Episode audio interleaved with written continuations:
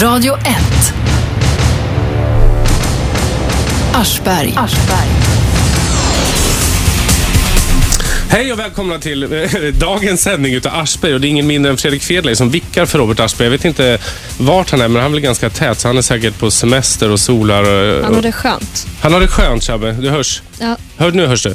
Eh, men vi ska bränna på som vanligt. Det kanske blir lite annat tonläge, men vi hoppas att ni fortsätter att ringa in sen när vi öppnar telefonslussarna. Idag tänkte vi prata om surrogatmödraskap. Vi kommer säkert in på alla typer av assisterad befruktning under eh, samtalets gång. Med mig här i studion har jag Fredrik Eng. Välkommen. Tackar, tackar. Eh, du är ordförande i eh, Föreningen för surrogatmödraskap. Det stämmer bra. Det har jag varit sedan 2006.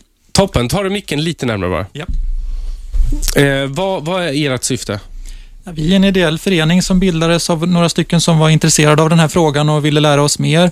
Så vi gjorde som man, som man gör i Sverige, man startar en, en förening och börjar organisera sig lite grann. Mm. Det blir en liten eh, informell träffpunkt helt enkelt. Vi har en hemsida som ligger på surrogat.nu och där finns det ett forum där man kan prata med andra som är intresserade av de här frågorna helt enkelt. Där man också kan få ställa frågor, man kan få kunskap och kanske veta hur man kan gå tillväga om man Hitta är folk som har samma utmaningar framför sig som en själv. Super. Eh, och jag har också Seved Monke som själv är pappa via surrogat. Just det. Eh, beslutet att, eh, att gå vidare, vad var det som låg till grund för det?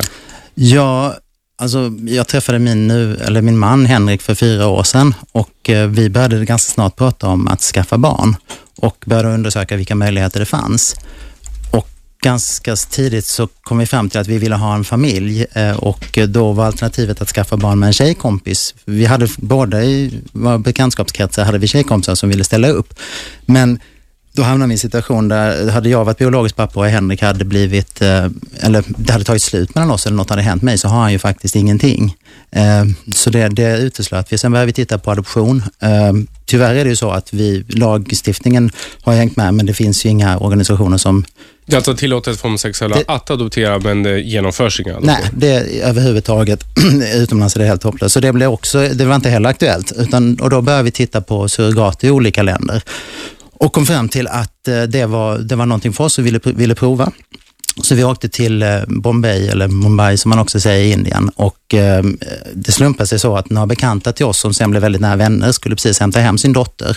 Eh, Så vi träffade dem där, eh, åkte till kliniken, bollade med dem väldigt mycket, träffade doktorerna, träffade, fick reda på hur processen funkar och så vidare. Och sen så bestämde vi oss för att sätta igång. Så nu 14 eh, månader senare så har vi, nu har vi två pojkar då, det vill säga tvillingar. Så eh, det tog, det tog några månader innan det blev så att säga, men vi, vi fortsatte och eh, det är såklart jätteroligt. Vi är väldigt glada. Vi kommer tillbaka till er berättelse och många frågor kring det. det eh, från, från flera politiska håll och i allmänna debatten så pratas det om ett utnyttjande och så vidare utav kvinnor som inte har, eh, är bättre bemedlade. Så att säga. Fredrik Eng då, som, som företräder en intresseorganisation på eh, ämnet kan man väl egentligen säga. Mm, det stämmer bra. Eh, Är det framförallt homosexuella som använder sig av den här möjligheten? Eller hur går diskussionen på, på ert... Eh, Nej, alltså jag, Debattforum. jag svarar ju på vår mailbox mm, eh, och eh, det, det, det övervägande delen av de som hör av sig och vill veta hur man gör och hur man ska gå tillväga, vad man ska tänka på, är straighta par eller ensamstående kvinnor faktiskt, som, som inte kan skaffa barn på naturlig väg och har sett det här som ett alternativ. Ehm, det kan ju vara så att man, eh, det är ganska vanligt, även om man inte pratar om det, att kvinnor inte kan bära barn. De har ägg, Eh, men de har inte möjlighet att bära barn av medicinska skäl. Det kan vara så att man har opererat bort livmodern, man kan ha haft cancer eller andra sjukdomar. Och Det är ett jättestigma för många, men de vill fortfarande ha sitt eget genetiska barn och då är surrogatmödraskap en väg till det. Är det också folk som kontaktar er som, som säger att jag skulle kunna tänka mig att bära någon annans barn? Eh, Det händer också, inte lika ofta, men, men det förekommer. Och när man i privata diskussioner, eh, när man pratar om det här ämnet, så är det väldigt många som blir arga och upprörda av, av, av bekanta kvinnor just när de hör att de inte har möjligheten att bli surrogatmammor om de så skulle vilja vara det. Mm. Det är inte många som inser att de inte får helt enkelt, att de inte kan gå till sjukvården och säga att de vill hjälpa någon. Mm. Det är, ju- det är ganska mycket eh, Eh, stora uppfattningar egentligen kring det här eh, som man inte riktigt vet vad det är för någonting. Eh, jag har flera i min bekantskapskrets, bland annat dig, Seve och Henrik, då, som har, har skaffat barn den här vägen. Men jag tror att många andra har en lite makaber bild av hur det går tillväga och, och så vidare. Fredrik, om jag kommer till din sajt och så ställer jag frågan, eh, hur gör man för att gå tillväga för att få ett barn via surrogat? Vad, vad är det enkla svaret för dig? Det, enkla svaret är att surrogatmödraskap är egentligen som all annan assisterad befruktning. Det är en person eller två personer som, som kommer på att de skulle vilja skaffa barn Mm. och så, så går det upp för dem att man inte klarar det här själv. Eh, och idag så är det här ga- ganska vanligt i Sverige på grund av att vi vän- väntar längre än, än vi gjorde förr i världen med att skaffa barn och då blir det svårare. Eh, så väldigt många behöver ju hjälp med IVF-behandling eller annat idag Mm. och surrogatmödraskap är egentligen bara en, en vidareutveckling av det kan man säga. Alltså att, att få hjälp med en spermadonator, det är ju i teorin samma sak som en surrogatmamma, även om det i praktiken är någonting, någonting helt annat självklart. Men, men tanken att en tredje person går in och hjälper till med någonting som de här personerna som vill ha barn inte kan göra själva, är ju samma. Det har funnits några uppmärksammade fall i media där det har varit ett heterosexuellt barnlöst par som har eh, ha, haft förutsättningar men det har inte lyckats och man behöver någon annan som bär själva barnet efter befrukt- befruktningen. Och då har det många gånger också funnits någon anhörig, en svägerska eller någonting sånt, ett syskon till en av eh, de båda parterna som har sagt jag är beredd att bära deras barn.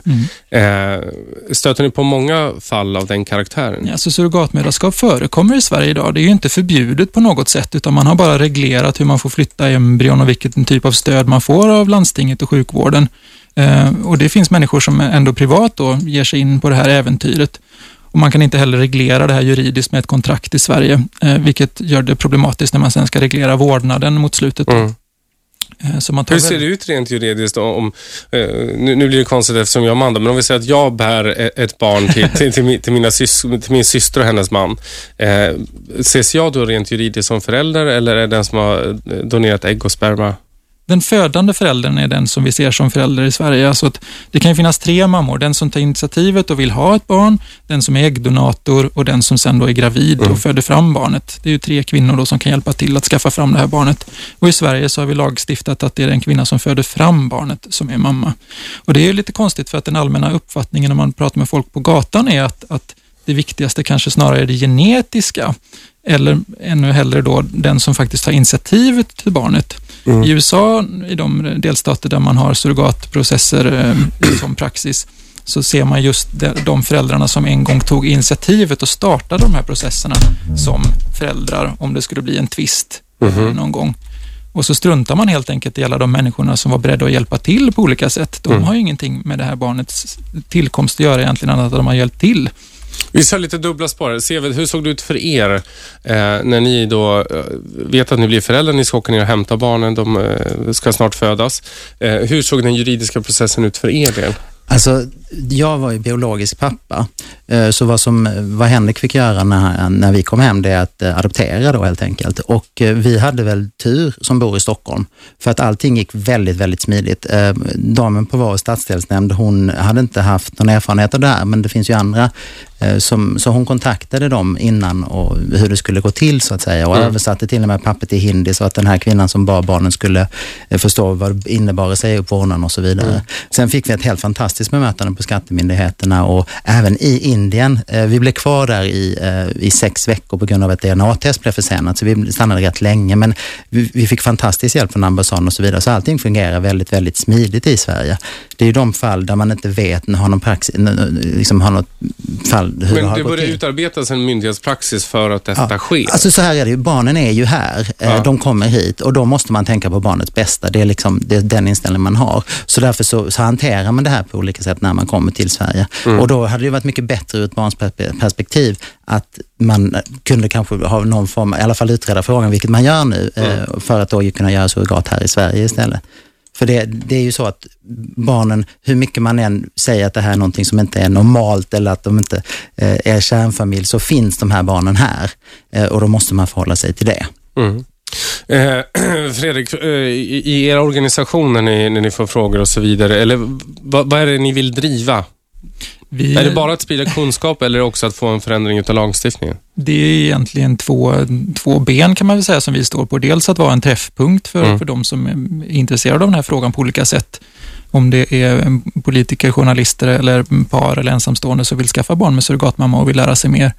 Och sen så är det just att också försöka ta bort mycket av myterna som finns där ute kring surrogatmödraskap som fortfarande ändå är ganska laddat som fråga.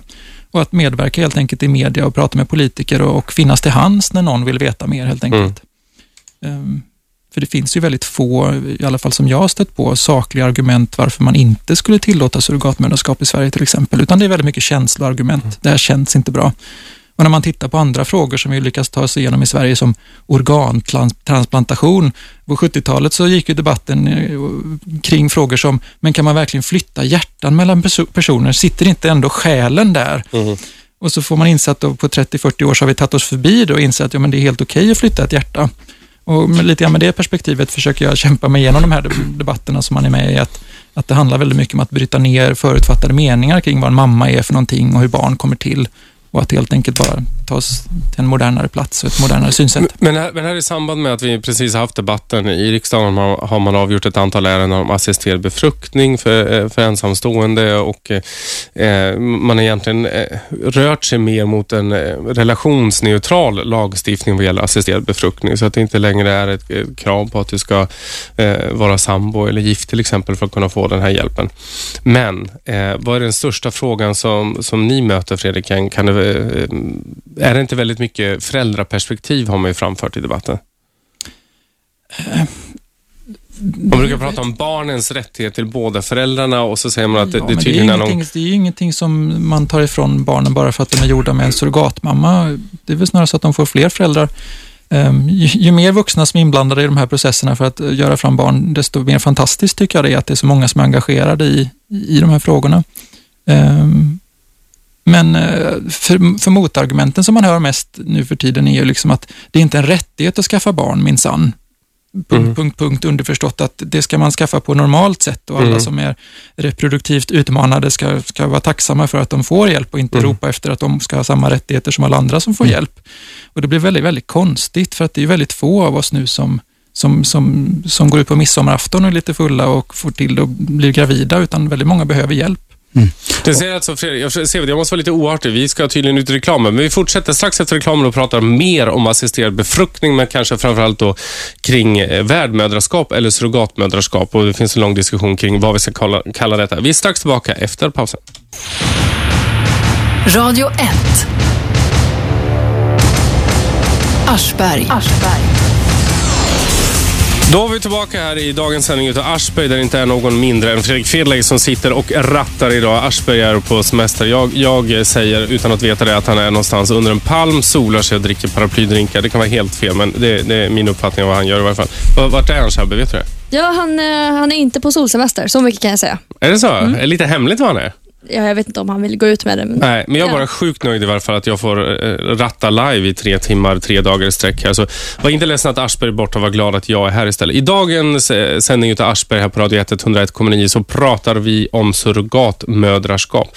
Med mig i studion har jag Fredrik Eng som eh, representerar intresseorganisation för surrogatmödraskap och så har jag Seved Monke som är pappa via surrogatmödraskap. Och precis innan reklambreaket här så var Seved i full gång och hade fyllt lungorna för att börja prata, men då bröt jag vad var det du skulle hoppa på då? Jo, eh, vi pratade om det här med... Eh, föräldraperspektivet. För, ja, föräldraperspektivet. Och vad är, är det inte bara föräldrars längtan till barn? Nej, men, nej, men att, att liksom just det här barnet ska ha rätt till sina båda föräldrar mm. och så vidare. Men vad är det som säger att, att, att just det här kärnfamiljsperspektivet är det enda? Det har väldigt, eh, de flesta familjer är ju inte kärnfamiljer. Det finns ju massor med singelmammor, det finns singelpappor, det finns eh, två män, det finns två kvinnor, det finns barn som bor med sina farmödrar och så vidare. Och vad jag kan bli lite provocerad av i den debatten, det är att när man då talar från ett kärnfamiljsperspektiv så utesluter man ju alla barn mm. som inte är del av det man önskar att en kärnfamilj är.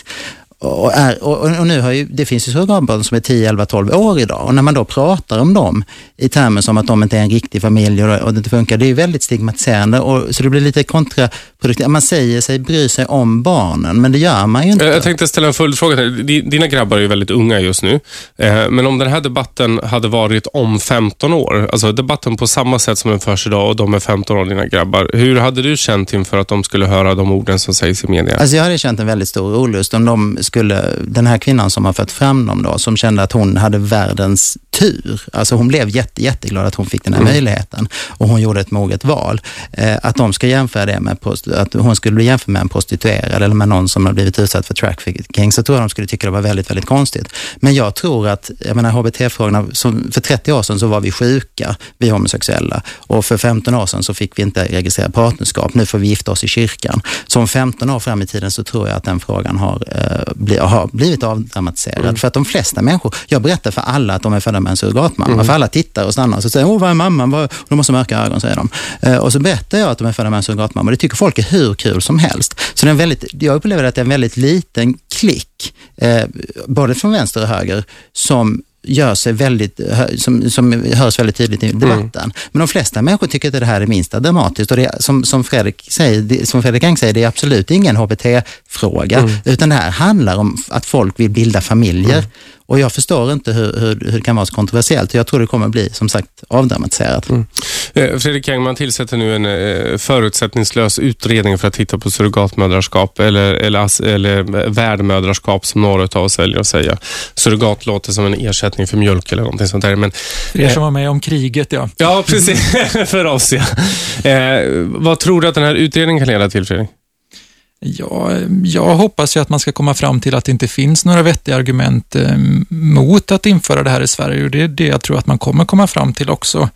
För att, att debatten i Sverige när man pratar om surrogatmödraskap handlar väldigt mycket om just eh, fall som Seveds där man har tvingats åka utomlands helt enkelt för att man, man väljer att göra det här på ett moget och ansvarsfullt sätt. Alltså att välja att göra det på ett sätt när man kan styra det med ett kontrakt och det är under ordnade former och man vet hur det här kommer att falla ut från början, vilket man inte vet om man gör det i Sverige idag. Och den debatten hamnar då helt enkelt i ett u-lands i perspektiv och plötsligt så pratar man inte om surrogatmödraskap utan man pratar om någonting annat som man lägger som ett filter ovanpå och då blir det en väldigt konstig debatt. Men, men, men det är också så att liksom, i den här debatten så är det då väldigt många feminister som ger sig in och tycker att, att de, de ska skydda de här utsatta kvinnorna i andra länder och det är behjärtansvärt. Men vi har nog glömt lite grann i Sverige att, att den feministiska kampen som vi förde här i västvärlden, de hade stora framgångar och det handlar om att rätten till abort till exempel och rätten till förvärvsarbete, bara en sån enkel sak som vi tar för givet idag, att kvinnor får jobba. Och båda de här sakerna vilar ju då på principen om självbestämmande över den egna kroppen. Och jag förstår inte varför feminister i Sverige tycker sig att de ska bestämma vad till exempel en indisk kvinna ska göra med sin kropp och var de tycker sig få det mandatet någonstans. Det är väldigt, väldigt märkligt. Mm. Va- Varför skulle inte hon kunna ta ett beslut? Ja, man, man, man underskattar ju deras förmåga att ta kloka beslut. Och vi träffade ju vår surrogatmamma flera gånger. Vi var ju där i sex veckor. Och hon var ju hur nöjd som helst. Vi, och hon, hon ska köpa... Vad var det som gjorde att hon var nöjd? Nej, hon, hon ska köpa ett hus. Mm. Hon, hon fick motsvarande... För de pengarna? Ja, hon fick motsvarande 10 10 årslöner. Mm. Vad hennes man tjänar. Hon tjänar inga pengar. Och vi fick en familj. Hon, hon, vi gav henne världens Och förutsättningar. hon kunde erbjuda nya förutsättningar för sin familj. Ja, och det, ofta handlar om det. Man ser möjligheterna att, att utbilda sina barn eller att Mm. skaffa ett nytt bil, eller köpa en taxirör, köpa en rickshaw, köpa, alltså komma, på något sätt få sitt liv, ett, ett bättre liv. Och det kan man säga att visst, hon kanske gör det för pengarna, men om den möjligheten finns för henne. Det är rätt hon- många som går till jobbet varje dag för Ja, pengarna. men hon, men hon vill ju göra det. Och varför skulle hon inte kunna ta det beslutet? Mm. Och dessutom, det är ju inte olagligt i Indien. Vi följer ju lagen där. Mm. Så att vi gör ju inget olagligt. Och det blir väldigt konstigt då när vi kommer hem att, att det då inte skulle finnas någon procedur här så att, som kan hjälpa de här Mm. barnen. För det är väldigt olyckligt för dem som kan gå i 10-12 månader och det måste avgöras i tingsrätten vem som har vårdnad, för då har ju de ingen möjlighet till föräldrapenning Mm. och så vidare. Det blir väldigt, väldigt problematiskt. Så att man, det gynnar ju inte barnen på något sätt, för oavsett vad feminister eller eh, kristdemokrater kommer att säga, så kommer bögarna och andra människor, så inte, det, inte bara bögar, men alla som inte kan skaffa barn, kommer att göra det här på de sätt som finns, för den längtan är så stark hos folk. Och då måste man ju förhålla sig till verkligheten. Man kan Men, men en inte... fråga till er båda nu då. Den, den här längtan, det, det är många som stör sig uppenbarligen på den här längtan i debatten. Är det fel att som vuxen människa längta efter att få barn, Fredrik Eng? Det är ju väldigt... eh, Det, är uppenbarligen, jag har en artikel här från eh, Göran Hägglund har skrivit i, i Expressen där han gör så här, om man längtar efter barn då gör man dem till accessoarer, eh, ungefär innehållet i den. Alltså det, det är ju, jag kan säga så här att som kvinna så är det ju inget konstigt i allmänhetens ögon att längta efter barn. Men som man så blir man ju väldigt ifrågasatt. Jag vet, jag vet inte om ni noterade det här när Seved berättade att han var ute och gick med sina barn, att då kommer fram folk och är så nyfikna och så det första de frågar är, var är mamman? För vem har släppt ut den här pappan med sina barn och får gå vilt på stan? Hur kan han ta ansvar Ja. för dem? Så att det finns ju fortfarande en, en väldigt uppdelad syn på föräldraskap som är ojämställd och, eh, och som är väldigt omodern, som vi måste göra oss av med. Eh, Men det, det präglar ju en sån här debatt helt enkelt. Eh, Och som man som längtar efter barn och jobbar med barnfrågor som, som jag gör så blir man ifrågasatt och lite sedd konstigt på ibland. Så, så är det helt Ja, enkelt. det är lite pedovarning. Ja, alltså det är det, filtret som många Mm. lägger på detta och eh, som homosexuella män Mm. också dessutom då har blivit stigmatiserade med att de alltid ska vilja ha sex och sådär. Att man är med två män, då, då måste de ju ha väldigt mycket sex helt enkelt, för att män vill ju hela tiden ha sex. Mm. Då kan man ju tänka sig det med två.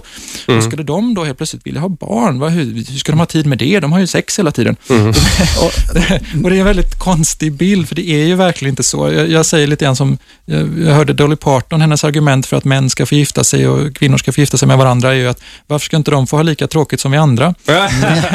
Men, det, det, det är ju lite grann så, vi, vi lever ju vardag vi med. Men det, det, som, det som Fredrik Eng pratar om nu, det, det är så intressant för att vi, precis som heteronormen finns på ett väldigt starkt sätt, så finns det ju en, en, en homo, homonorm, Ja. framförallt för homosexuella män, att bete sig på ett särskilt sätt och vara på ett särskilt sätt och lyssna på slager och eh, klippa hår Mm. eller liksom, eh, ha ett kreativt yrke och tycka om att festa och sådär. Och, och i den rollen som, som är så lätt att spela, för den förväntas man spela, så Mm. ingår det inte att ha en barnlängtan. Och när man då utmanar, då blir det väldigt utmanande och då blir eh, folk väldigt, väldigt utmanande, framförallt heterosexuella, av att vi vill ha samma möjlighet Mm. till familj som dem.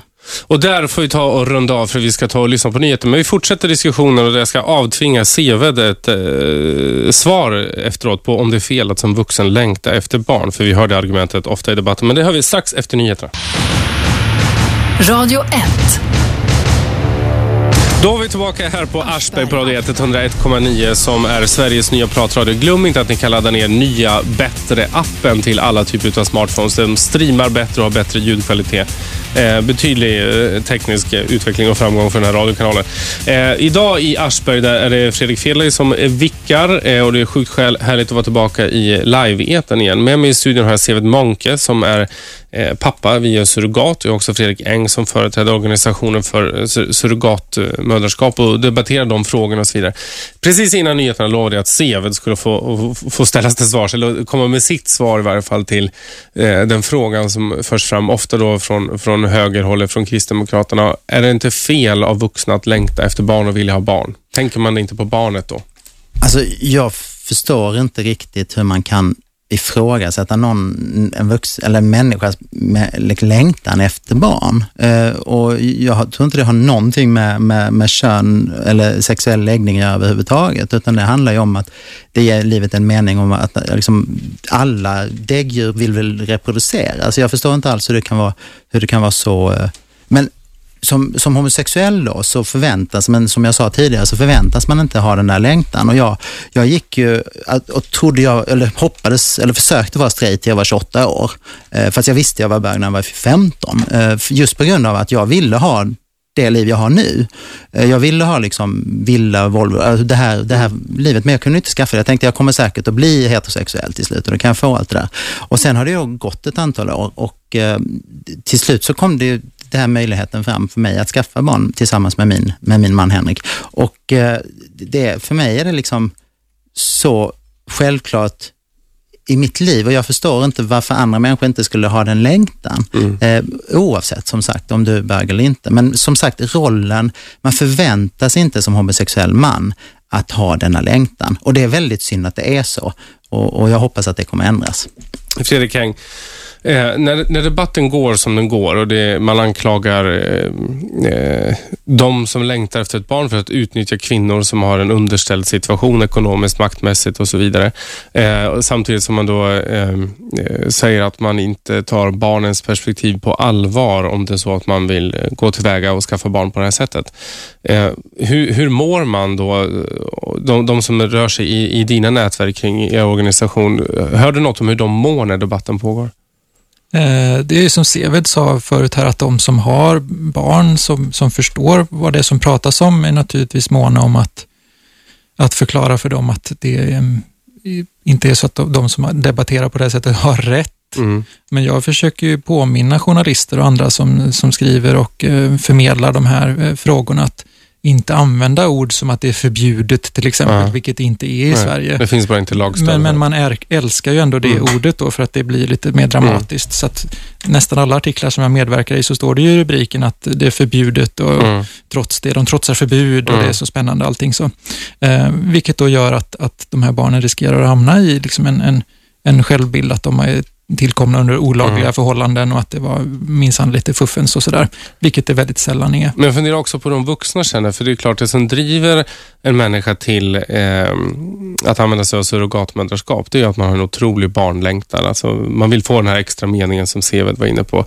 Eh, och så får man höra att man är en dålig förälder, att man inte tar barnperspektivet till exempel. Hur, hur mår man som... Har du hört några sådana reflektioner ur vuxenperspektivet? Alltså de allra flesta vuxna som har, som har kommit så långt i sina tankar att de, de eh, moget överväger att skaffa barn, att det inte bara är en nyck, utan man faktiskt har tänkt igenom det och, och gjort det tillsammans med sin partner och gått på pumpen ett flertal gånger. Man kanske har försökt själv, man har Mm. försökt få hjälp av svensk sjukvård och inte lyckats och har kommit så långt att man investerar väldigt mycket egna pengar i att göra en process i utlandet. Då, då har man och bryr man sig inte så jättemycket om egentligen, Mm. även om man naturligtvis inte blir gladare av att bli baktalad Mm. i media av de som är negativa. Men, men jag tror ändå att man, man har kommit så långt i sitt eget formulerande att man, man kan se förbi det där. Seved studsar. Nej, men, eh, alltså jag skulle säga det att, att skaffa barn med en surrogat, eller värdmamma som egentligen är ett bättre ord, det, det, det sker ju inte av en slump. Eh, Så det är inte så att barnen som, skaff, som, som föds vid med surrogat, alltså de, det är inte så att de inte är älskade. Det är inte så att de, de, de föds av, av en förälder som inte vill ha dem. Utan tvärtom så är det ju som, som Fredrik Eng säger, vi, alltså, vi har gått igenom så otroligt mycket och det är ju en sån kamp och mitt i det här, alltså det är väldigt, väldigt provocerande. Jag, jag blev kontaktad flera gånger mitt under processen och får delta i tv-program och sitta i soffor och sånt och jag kände att jag klarar inte det. Just på grund av att det är så känslosamt. För att det är så en stor grej och, och som vi sa precis att man, man investerar så otroligt mycket. Vi, vi, vi belånade, vi liksom fick ju gå och låna en massa extra pengar på vår lägenhet och så vidare. Vilket också är helt sjukt att det ska bli en ekonomisk fråga, men det är det ju. Eh, Och, och då blir det, blir det väldigt obehagligt när man läser eller hör vänsterdebattörer prata om det här utifrån en ideologi. Alltså, det är rent ideologiskt skäl. De har ju aldrig varit där. När man frågar, har du varit på någon klinik? Nej, säger de. Utan de utgår från att de här kvinnorna blir utnyttjade och så vidare. Och barnen då, eh, som, som Fredrik var inne på, att, att, att de liksom blir stigmatiserade. Jag tycker det, jag tycker det är hemskt. Mm. Eh, ja. Eh, Fredrik, om det är så att man inte går den vägen som Seved har gjort via, Seved och hans man har gjort via Indien, hur går man tillväga då? Ehm, som sagt, en, en, det finns då en, en del utländska vägar att gå. De länder som jag hör figurera är Indien, vissa delstater i USA, Ryssland, Ukraina. Det finns surrogatmödraskapsprogram i till exempel Storbritannien för straighta par som är britter. Då. Eh, Israel har också på det med de villkoren. Eh, och så förekommer det då att man hör någon gång ibland att det förekommer i Sverige par som kommer överens om och har pratat med sin socialtjänst att de också är med på det här, att man gör det. Men då är man ju väldigt utsatt. Och det blir ju då en klassfråga eftersom man inte kan göra det på ett reglerat sätt i Sverige. Så antingen får man lägga de här tankarna och drömmarna åt sidan eller så får man investera en egen klumpsumma pengar. Antingen att man tjänar ihop den eller tar lån på sin lägenhet eller på sin bil och om man nu har en som man kan belåna. Precis. Och då blir det en klassfråga helt enkelt. Så att därför är det väldigt konstigt till exempel att vänsterdebattörer tycker att det här är dåligt, att vi ska ha det i Sverige. För hela poängen med att ha det i Sverige är då att göra det möjligt för de kvinnor som vill vara surrogatmammor att kunna få vara det på ett reglerat sätt inom landstingsvården och också då att vem som helst som har behov av en surrogatmamma ska kunna få det i Sverige. Ja, Och det, det är jätte, liksom, konstigt att då den här debatten om utsatta kvinnor och så kommer in och färgar en debatt om surrogatmödraskap i Sverige, för vi har inte pratat om hur vi ska göra här än. Nej, Och just en av grejerna med en utredning, att man börjar titta på vad finns det för förutsättningar, hur gör man i andra länder, vad finns det för problem? Och sen så tar man avstamp i den här utredningen i en politisk debatt. Innan jag släpper in Seved, så det verkar som om några av debattörerna åtminstone tycker att så fort det kommer in pengar så förfulas det på något sätt. Eh, Om man betalar för ägget, om man betalar för att någon bär barnet så, så, så, så blir det fult och ett utnyttjande. Ja, alltså, Är det inte rimligt att man får en men- ersättning? Jo, men jag är av åsikten att det är fullt rimligt att man får betalt, precis på samma sätt som om jag gör ett riskfyllt arbete på en oljeborrplattform eller i en gruva och väljer att göra det, så får jag betalt för det Mm. och risktillägg kanske. Så skulle vi införa det i Sverige så tycker jag definitivt att surrogatmammorna ska ha rätt till en ganska saftig ersättning, men då ska den gå via landstinget och inte via de blivande föräldrarnas fickor. Mm. Och då har vi ju tagit bort klassperspektivet på det hela. Då Mm. är det ju styrt. Ja, nej, jag, jag var, tänkte lite på det här nu, att skulle det vara så att någonting hände mig i Indien så har ju barnet inget förälder alls. Mamman har ju sagt från sig Mm. sitt, sitt moderskap och Henrik har ju ingen vårdnad överhuvudtaget. Så, och på det sättet, och, och sen, sen är det ju så att vi var i Indien i, i sex veckor. Först var det 40 grader varmt och sen blev det monsunperiod och det regnade i, i 15 timmar om dagen och så vidare. Och, och, du vet, man kan inte, alltså det, det hade varit mycket bättre för barnen att, att kunna göra det om det fanns reglerat här under, under ordentliga former. Men vad jag kan bli så otroligt förvånad över det är att den här oheliga alliansen då mellan Vänsterpartiet och Kristdemokraterna, när det faktiskt handlar om att utreda och samla in fakta. Sen när blev vi rädda för fakta? Det är otroligt märkligt. Och naturligtvis är de ju då livrädda för att homosexuella skulle kunna skaffa barn i framtiden. Men det handlar inte om det, det handlar om att hjälpa människor som inte kan få barn. Jag förstår inte hur det kan vara ett problem överhuvudtaget. Väldigt, väldigt märkligt. Och det är, det är ju fantastiskt att det faktiskt blir en utredning. Men hur- ser lagstiftningen ut? Det här är, jag har ju själv blivit pappa via assisterad befruktning och provrörsbefruktning och det är, ju- det är ju inte förbjudet för, eller så som lagstiftningen har sett ut fram till nu, så har det inte varit förbjudet för icke-samlevande par att göra det. Det har bara inte funnits stöd i lagen. Eh, är det så det ser ut eh, med detta också? Är det så att det, Men som sagt, Du var inne ser- på det, vi, vi ser Det är ju den födande kvinnan då i, i, i ett sånt här sammanhang Mm. som den som ska ha få vårdnad. Mm. Och Det blir också ett problem när man gör processer i utlandet. För till exempel då som har gjort i Indien. Så i Indien så ser man inte den födande mamman som blivande vårdnadshavare alls, utan äggdonatorn snarare. Hon är anonym, Mm. alltså finns det ingen mamma. Men så vill ändå svenska myndigheter att den födande mamman ska skriva på papper eftersom hon ses av våra myndigheter Mm. som vårdnadshavare. Det blir sådana här glapp i saker och ting. Och de här barnen är ju mer eller mindre då statslösa och rättslösa när de föds. De har inte rätt till svensk sjukvård om någonting skulle hända. Och, och om, om de, den förälder som ändå då kan tänkas ha vårdnad, då, spermadonatorn, om det skulle hända den någonting så är barnet inte alls garanterat att den andra föräldern får vårdnad på något sätt. Då. som man då gör i Indien till exempel, någonting hade hänt dig i Seved under tiden ni var där, då hade, det- hade det blivit barnhem eller vad? Ja, det hade blivit barnhem. Oh shit. Så att man, Mm. man, de här barnen är väldigt, väldigt utsatta och det är också en... en, en man, eh, på det, Det, där, sättet, det där det- perspektivet lyfts aldrig i, i, Nej, alltså- i debatten. Att, och det är också Men- ett sätt som lagstiftningen också gör skillnad mellan män och kvinnor. För att om en, en svensk kvinna föder ett barn i utlandet så blir barnet automatiskt svenskt. Hon behöver bara skicka in ett papper. Ja. Barnet tillhör henne och tillhör liksom våran stat och våran, våran hemvist här i Sverige. Men en svensk man då i de här fallen då med hjälp av spermadonation gör barn i utlandet som det här landet inte ser som sitt eget så ser svensk lagstiftning det inte som ett barn utan Mm. som hör hemma här, utan det är någonting som man måste ansöka om och som den födande mamman måste godkänna och det är ganska omständigt och det tar lång tid. Mm. Så det finns en jättestor synskillnad på föräldraskap i det fallet om man är mamma eller pappa. Alltså det, det kretsar otroligt mycket runt mammaskapet i Sverige. Jag märker det när vi går på, eh, när vi går de här föräldragrupperna som Mm. egentligen borde heta mammagrupp i min. Alltså Mm. det, blir, det blir väldigt tydligt att, att som pappa så är man ofta ledig tre månader och sen tar mamman väldigt, väldigt stort ansvar. Och allting kretsar runt, runt moderskap. Eh, Och, och där tycker jag det är lite förlegad syn på jämställdhet och hur, hur folk väljer att leva sina liv helt enkelt. Men hur, hur, var, var det en faktor eh, eller en rädsla för er, Seved, när ni var i Indien? Alltså just att det är oreglerat. Hur får ni hem barnet? Hur blir Ja, svensk alltså, medborgare? jag, var, jag var livrädd innan. Alltså, vårt DNA-test skulle ta sju dagar och det tog Mm. 24 dagar. För det, var, ja, de, det skickades fel och de hade inte tagit Och tillräckligt dessutom är det så att man måste ha inkomst om man ska betala räkningarna hemma. Ja, ja, men alltså, och sen betalar du sjukvårdskostnader. Alltså, Mm. vi- Jag tänkte vi- vi ska ta det efter pausen snart. eh, Mm. Exakt. Nej, nej, men det är klart att jag, och jag, jag mådde ju väldigt, väldigt, alltså jag var ju fantastiskt glad, men jag tänkte, om det här inte är mitt barn, då, då, då lämnar vi ifrån oss barn efter fyra veckor Mm. till ett indiskt barnhem. Alltså, det är klart att det var väldigt, väldigt eh, påtagligt. Mm. Vi ska ta en liten reklampaus här och sen så tänkte jag att vi skulle gå in på det vi har varit inne och nosat lite på. Eh, vi har sagt att det eh, blir lite av ett klassperspektiv om vilka som har möjligheten att göra detta och inte göra det just eftersom det är eh, omfattande kostnader. Men i studion så har jag Fredrik Eng och jag har som, som representerar en organisation för surrogatmödraskap och vi har Seved Monke som själv är pappa via surrogatmödraskap.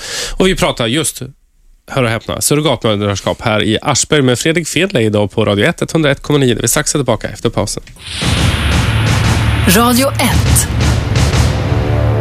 Välkommen tillbaka till Aschberg, Radio 101,9 där Fredrik Fedley idag sitter och rattar. Jag har inte riktigt lärt mig hans intro här så att jag är alltid lite sen när vi börjar. Eh, skönt att vara tillbaka live här på Radio 101,9 som är Sveriges nya pratradio. Vi pratar surrogatmödraskap där jag har med mig Seved Monke och Fredrik Eng i studion och vi diskuterar ur lite olika perspektiv och kommer göra ända fram till klockan 18 så håll ut. Ni kommer få alla era frågor besvarade och någon gång i nästa timme så slår vi upp sluss, slussarna. Jag ser på chatten på radio1.se att det är eh, inte en jävel ser ut som nästan som tycker som vi. Så det ska bli kul att öppna slussarna sen och få höra vad ni säger på riktigt om ni vågar stå för det också. När ni ringer in på 0200 11 12 13 någon gång i nästa timme. Men vi var inne på eh, klassperspektiv. Det kostar en hel del pengar att eh, göra surrogat idag. Seved har varit i Indien och eh, Fredrik har berättat att det finns eh, som då, för att det här är en organisation kring surrogatmödraskap och man kan läsa mer på surrogat.nu. Eh, att det handlar om rätt mycket pengar. Eh, vad, vad, vad är det för summor det rör sig om? Eh, Jag får den här frågan ganska ofta från, från folk som ger sig in i processer och Ja. från, från folk i media och då brukar jag säga att ja, men hur mycket pengar har du? Ja. För det handlar om att när man har kommit så långt att man har uttömt alla egna möjligheter och de möjligheter som man har i landstinget och man fortfarande är så, så bestämd i sin uppfattning att Ja. man ska försöka skaffa barn, då använder du de resurser du har helt Mm. enkelt. Och det är väldigt många som... Man som, belånar hus och ett man landställe. och belånar och hus, man jobbar lägenhet. dygnet runt, man, man, man kan bränna ut många förhållanden på det här sättet. Ehm, och Det handlar ju om att, att, att skaffa barn är aldrig en, en säker sak helt enkelt. Att göra IVF-behandlingar och sånt där, det handlar om procenttal hit och dit. Och varje gång man rullar tärningen så är det samma procenttal. Mm. Det blir inte mer chans för att man gör det en andra gång eller en Mm. tredje gång. Så jag vet ju exempel på människor som är uppe i tvåsiffriga tal på försök och man får betala all sjukvård och alla Mm. behandlingar själv och alla resor och alla omkostnader. Ehm, Så att det kan spänna allt ifrån att om man har en framgångsrik och lyckad process som, som Sever har gjort i Indien, att det kan handla om eh, kanske en kvarts miljon, något sånt där, eh, ända upp till många, många miljoner. Det är sjukt mycket pengar. det. har du några indiska siffror ungefär i runda slängar? Eh, hur mycket Eh. vi la ner, alltså man slutade räkna, man kom upp på 700 000 och sen så var det liksom, eh, men då, var det, då fanns det inget återvändo, då fixar man pengarna som Fredrik alltså säger. Då, det var liksom, vi, vi, gjorde, vi sparade först ihop så mycket pengar, det var verkligen så här, spara, inte, inte göra någonting och sen gick vi till banken och sen så var det då, blev det ju rätt mycket sjukvårdskostnader där och så vidare. Men till slut blir det lite att man har ju inget alternativ, barnen har ju kommit och då blir det lite monopolpengar man får låna av, av eh, ja, bank eller föräldrar det nu blir. Eh, det tråkiga är ju att det blir, folk säger så här, ja men det där kan, det där kan man ju inte värdesätta i pengar, barn säger de. Men så säger man, vänta, nej, det blir en ekonomisk fråga för oss för att vi kan inte få hjälp i Sverige. Ska vi få en familj så måste vi gå igenom det här. Och, och det, Fredrik har varit inne på det innan, att, att då blir det ju en klassfråga. Nu har vi ju tur att vi har haft bra jobb och, och vi, men liksom, jag berättar det här för, för folk liksom, som, som bara, liksom, de, de skulle aldrig få fram de pengarna. Mm. Och det, då, då utesluter de här människornas möj- möjligheter från att skaffa barn. Jag tycker det, det, det är fruktansvärt att det ska vara så. Mm. Ja, vi har ju barnbrist i Sverige, men det, Mm. vi står ju inför stora problem på den fronten. Alltså. Ja, och hur kan det vara fel att, att, att, att två människor eller en människa vill ha ett barn? Alltså, som älskar sitt barn, hur kan det vara fel? Mm. Det förstår jag inte alls. Hur man kan vara, jag förstår inte hur debatten kan bli så aggressiv och så eh, infekterad och från så, alltså från så olika håll på så olika sätt. När, när ingen har varit där och, och pratat. Men jag menar doktorn på vår klinik, han sa varför de här journalisterna som är så aggressiva varför skickar ni inte dem till mig? De kan, jag kan prata med dem en kvart. Sen är frågan nu i världen, men de vill ju inte åka dit för då får de ju, då får de ju deras missuppfattning eller deras fördomar, de skulle ju inte gå i uppfyllelse när de åker dit. Men det är så att kvinnan som donerar ägget hon, i Indien då till exempel, eh, som du kan se vid Monke Einestål ska jag säga. Så, jag vet att svärmor Så- så Birgit kanske sitter och lyssnar. Nöjda. jag, Jag tror de sitter- hälsar till. De sitter nog och lyssnar. Ja, eh, om man, eh, tusen, nu var på väg. Jo, eh, äggdonatorn, alltså den kvinnan som donerar ett ägg, eh, hon får såklart betalt för det. Och sen är det en befruktning som sker, en provrörsbefruktning, Ja, där du då var spermadonator nu och så var det den här kvinnans ägg. Det är nu ut ur kroppen och det blandas Ja, i eh, en mixer av ja. Eh, och sen så när ägget har befruktat och börjar dela sig så sätter man in det i, i en värdmoder. Ja, precis. Eh, Då sätter du in de här embryon Mm. i värdmamman. Och I vårt fall så hade vi då en fantastisk tur, för som Fredrik Eng var inne på så handlar det om, eh, det, det är ju inte alls stor chans att det blir tvillingar. Eh, Mm. Och eh, det, är- jag tror det är 20 chans att det blir ett barn. Mm. Vi gjorde ju fyra försök. Mm. Eh, hade det gått på första försöket så, och de, det, jag menar, det blir så abstrakt för att eh, har man ett, får man ett missfall som, eh, alltså en kvinna som har en mage, det är ju fruktansvärt, men, men vi har ingen mage att klämma på. Vi fick bilder på ultraljud, men det är ju lika. Vi, vi, det här upptog ju hela vår tid.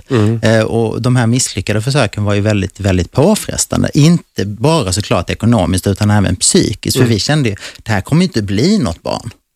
Sen så ringde jag Henrik och sa, du måste sätta dig ner för att vi väntar tvillingar. Och sen var det, den här väntan var, var liksom fruktansvärd, men, men liksom sen blev det bra. Men hur lång, tog, hur lång tid tar en sån här process? Om, om, om vi säger att eh, ni bestämmer er idag igen, ser vi då att eh, vi vill ha ett barn till eh, och sen eh, hur går man tillväga? Var, Fredrik kanske är experten, generella experten här. Jag ska försöka svara så gott jag kan. Eh, jag brukar säga att det brukar ta ungefär nio månader och då brukar folk skratta för att det är det en vanlig graviditet Mm. tar. Nej, men det handlar ju om att den klinik man eh, använder sig av, eller förmedling, vad det nu kallas i det land man, man gör det i, så eh, handlar det om att de ska rekrytera helt enkelt äggdonatorer och surrogatmammor och så ska de här människorna matchas med blivande föräldrar. Och det kan ta allt ifrån en månad till tre, fyra, fem månader att hitta, hitta rätt helt enkelt där. Mm. Ehm, De som väljer att använda sig av amerikanska surrogatmammor är, gör det oftast för att man har för vana där att, att köra lite öppnare kort, att man kanske också får veta vem som är äggdonator lite mer beskrivet, kanske till och med träffa den personen och samma Mm. sak med surrogatmamman, att det, man också kan ha en, en kanske löpande relation med de här människorna och då ska det ju matchas som vilken matchning som helst med eh, hemsidor och besök och telefonsamtal och Mm. sådär och då kan det ta mycket längre tid. Eh, Och Det där är helt enkelt olika viktigt för olika människor. Så att det är också en viktig del i det här att ta reda på vilken typ av process man, man skulle Mm. vilja ha. Då. Hur anonymt är det okej att det är? Eh, och vilken typ av relation vill man att ens barn ska ha med surrogatmamman i efterhand, till exempel om, om Mm. alls någon. Då. Så det, det är många faktorer. Det, där kan det vara olika olika länder. Att, alltså Det man är har- olika, olika ja. lagstiftning, precis. I vart fall så, eh, i 18 år fram så kan vi åka dit och hälsa på mamman. Mm. Eller värdmamman, hon som har burit. Mm. Men hon är ju inte då genetisk. Nej. Och det, det här är också lite avancerat som jag tror faller bort i den här debatt, allmänna debatten. Att den som bär barnet är ju inte ens biologisk mamma. Nej. Men är den som genomför graviditeten. Ja, men Ja, precis. Men saken är att man, eh, donatorn är anonym i detta fallet. Mm. Så i det fallet så får vi åka och hälsa på. Mm. Och då, då blir det en diskussion, men liksom, är de, de, i min värld så blir donatorn en mamma då om hon har donerat ett ägg? Nej, blir, hon, blir den andra kvinnan. Att Det blir lite abstrakt, så det finns ju inte en mamma på det sättet. Som man, Mm. mammabegreppet finns ju inte på det sättet, men däremot så var barn två pappor.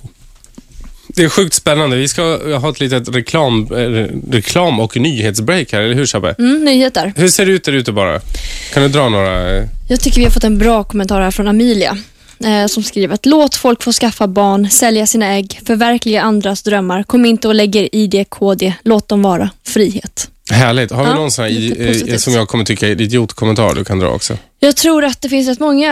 eh, folk, tror, folk vet inte riktigt vad det här rör sig om. Det är som jag sa i pausen. Eh, Man, går, man åker till Indien, slänger en tusing åt en mamma och, och hon ska ploppa ut en unge. Liksom. Mm. Det, det är väldigt um, fel bild av vad det faktiskt Mm. Ja. Vad spännande, vi tar lite mer kommentarer Mm, efter. Ni absolut. kan börja, eh, jag tror vi gör så här att vi fortsätter med CV första biten så går vi in och grottar in lite mer i eran situation. CV Monke Einestål eh, som, som är pappa via surrogatmödraskap. Och sen får jag lov att tacka Fredrik Eng för att du har haft tid att vara här och delat med ut av din kunskap och expertis. Det var så lite så. En intelligent och begåvad människa som Ja, jag hoppas vi får höra mer här framöver. Ja, detsamma, detsamma. Ja, tack så mycket. Vi är strax tillbaka här i Aschberg på Radio 101,9 som är Sveriges nya pratradio där vi pratar surrogatmödraskap i timmarna tre. Ni är strax, vi är strax tillbaka efter nyheterna. Radio 1. Aschberg. Då är vi tillbaka på Radio 1, ett, Radio 1 101,9, Sveriges nya pratradio. Programpunkten heter Aschberg och går mellan 15 och 18 varje dag. Men nu är det inte Aschberg som är, han är på, jag har bestämt att det är solsemester, eh, även om det inte är så. Eh, så är han på solsemester, så det är Fredrik Fredrik som sitter här och rattar i timmarna tre. Sjukt skönt att vara tillbaka i live-radion. Men i studion är som vanligt Chabbe. Hej. Du har koll på debatten på, på radio1.se, Yes, det har jag. Twitterflödet. Twitter, chatt och sådär. Mycket okunskap. Ja, jag tycker det. Vi pratade som sagt i tre timmar idag om eh, eh, surrogatmödraskap och med mig i studion har jag också Seved Monke Einestål som är pappa via surrogatmödraskap. Och nu tänkte jag att vi skulle grotta ner det. Vi hade Fredrik Eng med i förra timmen också som företräder en organisation eh, som arbetar med eh, just eh, surrogatmödraskapsfrågor. Eh, både kunskap och guidning till, till folk som funderar i de banorna. Eh, när ni hade bestämt er, du berättade lite i förra timmen, men vi har bytt rätt mycket lyssnare sedan dess, Seved, eh, så berättade du att du hade haft en barnlängtan väldigt länge och det höll dig också garderoben mycket längre än vad, vad du hade tänkt. Och du, du träffade din man Henrik Einestål och eh, ni vill bilda familj. Hur, hur gick ni sen tillväga? Du var inne och pratade att ni hade alternativ med kvinnor och så vidare, men, men när ni har bestämt er då för, för surrogat, Alltså, surrogat eller hur det- går tankeprocessen dit? Liksom? Nej, men alltså, det var just det här att vi ville inte hamna i en situation där eh, en av oss var pappan den andra var pojkvän eller man. Eh, för att den, även om vi är gifta så har ju han ingen relation till barnet om jag skaffar barn med en tjejkompis. Och det är ju så, går, blir det någon tvist så blir det väldigt, väldigt ofta på, på mammans eh, sida så att säga. Alltså att man går på hennes eh, historia. Och då är det ju risk att man står, står utanför så att säga. Och på samma sätt så skulle ju Henrik då, om jag skaffar barn med min tjejkompis och det tar slut med mig och Henrik så kan han, han ju ha varit pappa i tio år och sen bli av och inte ha rätt att träffa barnet överhuvudtaget. Så vi, vi kände att det finns, alltså det finns inget annat alternativ för oss än att vi vill ha eh, ett, ett eget barn. Och vi tittade på adoption eh, som inte fungerar eftersom vi då är två män. Och då blev det så att eh, det blev surrogat. Och eh, anledningen till att det blev Indien var att vi hade kompisar som, eh, bekanta som hade varit där. Eh, och det sen kändes bra. Vi åkte dit, besökte kliniken, träffade läkarna, blev otroligt professionellt bemötta. Alltså man har en uppfattning om att det ska vara någon slags, att man åker till ett fattigt tredje världenland. Jag menar, Indien bor det 1,2 miljarder människor. Det finns väldigt mycket fattigdom, men det finns extremt mycket rikedom också. Alltså går du i Mumbai så ser du liksom oxkärror och, och sen så ser du de här moderna Porscharna som kör. Alltså, det, är så, det är så otroligt blandat, så man har en väldigt konstig uppfattning. Det hade vi också. Men när vi sen åkte dit så fick vi den här eh, bilden av att det här, det här sköts ordentligt. Det är inte en fattig kvinna vi utnyttjar, utan det här är en kvinna som har gjort ett eget val eh, och hon har chans att, att förändra hela sitt liv och hon kan hjälpa oss att skaffa en familj. Eh, Eh, och sen så, så satte processen igång. Eh, Vi donerade då eh, och eh, det, det gick inte på de första försöken. Vi fick välja ut. Det, det, det, nu efteråt kan man skratta åt det, men det var lite absurt för man får ju, man får ju bilder på donatorn och hennes, hur gammal hon är och vilken religion, till, alltså vad hon haft för sjukdomar, hur många barn hon har fö- fött och så vidare. Och det, ju- det känns ju väldigt absurt att sitta och bläddra i de här och välja ut och man vet inte vad man ska titta på. Man tänker, men jag är ändå rätt lång och, och, och liksom, hon kanske inte ska vara för kort och, alltså, du vet så här, man tittar, men sen till slut så, eh, vi gjorde ju tre försök som inte blev någonting. Och eh, Får man betala för varje försök? Ja. då? Ja. ja, ja, du betalar ju, det försvinner ju massor där liksom. Och sen så till slut då så, eh, så blev det så att vi, eh, jag frågade, är det fel på, det var ju också en diskussion med mig och Henrik, såklart, vem ska vara pappan? Och, och jag har väl varit lite mer drivande än, än min man Henrik då. Och då tyckte han, "Nej, men vi kör på dig. Och efter tre gånger så kände jag, men det kanske inte är så bra. Eh, och så frågade vi eh, doktorn i Indien och doktor Somaya som hon hette då, så sa hon att, nej men det är absolut inte fel på, på dig. Utan eh, så sa vi, men okej, men då provar vi med eh, att vi, vi kör ett försök till med mig och då, då sa vi åt henne att välj, välj ni ut någon som ni tror är bra. Liksom. Så gjorde de det. Mm. Och eh, då hade vi sån tur att det blev, att det blev tvillingar då. Eh, och, ja, och sen så var ju processen i full gång och sen var det en väldigt lång väntan. Eh, För nio månader, det går ju snabbt men samtidigt så alltså är det ju väldigt, väldigt, och går det, liksom blir det ett missfall efter, hade det blivit ett missfall efter fyra månader, då har vi ju betalt allt Mm. och då hade vi inte mer. Mm. Alltså då hade vi fått vänta i fyra, fem år till. För då hade vi, vi har redan belånat för lägenhet, vi hade redan sparat ihop. Även om vi har, jag menar, jag och mitt företag och Henrik har sitt jobb och så vidare, så var det, då hade vi fått vänta i fyra år. Så psykiskt var det där väldigt jobbigt. Och, men sen blir ju glädjen desto större när det väl, när det väl blev sen. Och det var, jag måste bara berätta, Jaha, får det. jag måste berätta hur det gick till när... Ni, skulle, ni, ni, ja, ni kan ju kolla på webbsändningen på radio1.se också. Så ni, ni ska se CV nu. Han, han studsar. Så det här vill vi höra. nej, men, nej, men jag måste berätta hur det gick till. För det, det var då planerat kejsarsnitt. Och eh, eh, vi satte oss i taxin, de skulle ta oss ut klockan 12 och vi satte oss i taxin 10. Det tog ungefär en timme att komma till sjukhuset. Eh, så halv 11 ringer de. Och så, man blir ju livrädd när det ringer. Jag såg att det var doktorn som ringde. Så sa ah, men de har ändrat schemat, de tar ut dem nu vid 11, kan ni komma? Eller de tar ut dem nu, eh, ungefär nu, så kan ni komma? Ja, men vi är där klockan 11. Så vi kommer dit eh, och springer in och eh, liksom, det är helt absurt. Det är ju absurt för att vi vet att då har de tagit ut våra barn och vi vet inte om det är pojkar eller flickor Lena var. Och så kommer det ut en indisk doktor så säger han, Are you the father of the twin boys? Och så sa vi, vi vet inte, kan du kolla vad, vad mamman heter? Så, att Ja. säga. så fick han gå in och så kom han ut igen och så sa oh, you're the father. Och då så fick vi dem och eh, de vägde ju bara två och ett halvt kilo eh, och var exakt identiska. Och jag, Vilka små tussar. och jag, blir li, jag tänkte säga, jag måste ha liksom något, jag måste gå ner och köpa nagellack, tänker jag i, sann, i samband med att försöka sälja andra dem. Men jag tänkte att, för att jag måste märka dem, för de var så lika. Så jag, Ja. men de, de, de, är, de ska ju vara tvåex, men de är tvåex, men de är väldigt lika. Och sen så stannade vi på sjukhuset i tre dagar Mm. eh, och eh, fick jättemycket hjälp. De kom in och hjälpte oss med matning och sånt och det kändes ändå rätt tryggt. För det är ju så, de är så små va? så att man känner att det blir, men sen efter tre dagar så sa de, nu tycker jag ni ska åka härifrån. För de föddes i vecka 35 plus tre dagar, så de var ju, de var ju rätt tidigt födda, men det är väldigt vanligt vid tvillingfödslar så att säga. Mm. Men, men de här frågorna också. Eh, jag kan tänka mig att om jag skulle göra en sån här process, då skulle jag ha en miljon frågor om hur vet man att det är rätt sjukhus? Hur vet man att de verkligen får betalt och, och sådana saker? Hur, Ja. hur undersökte ni? Alltså vi, det, vi hade ju en jättefördel av att vara vänner. Det slumpade sig så att när vi åkte dit så var de där för att hämta hem sin dotter. Så vi, de hade gått igenom hela den processen. Och, och eh, vår kompis då som, som är journalist, han hade gjort det jätteundersökt, för han hade verkligen satt sig in i det där. Eh, och eh, så vi, vi visste liksom att, att, det, att hur, hur mycket eh, Jag tror jag vet vem det är och då är han nitisk. Ja, precis. Jag vill inte nämna några namn här, men Nej. jag tror fler vet om det. Men, så det kändes väldigt tryggt. Och sen också att vården, eh, man tittar på nätet och så, så på något sätt får man tänka att, eh, jag menar, vi har ju en, en, en syn på, på liksom, den delen av världen som är väldigt konstig, men det är ju, även om det finns väldigt mycket fattigdom så finns det extremt mycket rikedom också. Eh, och det är någonting som, som eh, vi kanske inte riktigt tänker på. Men, Men vad händer med mamman sen då? Ungarna är ute nu. Eh, Ja. Slänger man ut henne på gatan eller vad händer? nej, alltså hon, eh, hon har ju gjort det här valet är det mamman, säga. hon som bar Eh, barnet? Ja, värdmamman kan vi kalla henne istället för surrogatmamma. Och hon, eh, vi träffade henne flera gånger efteråt. Eh, De ska köpa ett nytt hus. Eh, Hon, hon var jätteglad. Eh, De berättade, och det, det, liksom, det märkte jag på henne själv, men läkarna säger att det är inte alla som var, vara eh, värdmammor för att bära de här barnen. Utan de, men de, blir, ju- de ser det som en fantastisk möjlighet.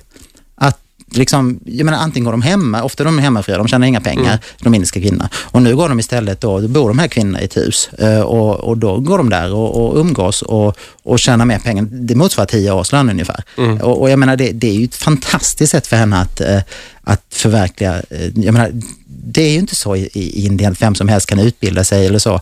Eh, Så att antingen vill de sätta sina barn i skolan, i detta fall så skulle de köpa ett hus. Och sen var det eh, några andra bekanta som de, den värdmammans man och hade köpt en taxirörelse eller något sånt. Så det är ett sätt för dem att, eh, att förverkliga sitt liv och vi får en, får en familj. Mm. Eh, Jag förstår inte hur det kan vara så upprörande egentligen. Nu rasar in lite hälsningar jag skrev på Twitter eh, på, på mitt eget konto att du nu berättar er historia och då kommer hälsningar från Annika Beijbom och Annie Lööf eh, hälsar till dig här. Hälsa tillbaks. flotta människor. Hej Annika, hej. Annika. Ehm, eh, hur, hur många vet du som har gjort det här?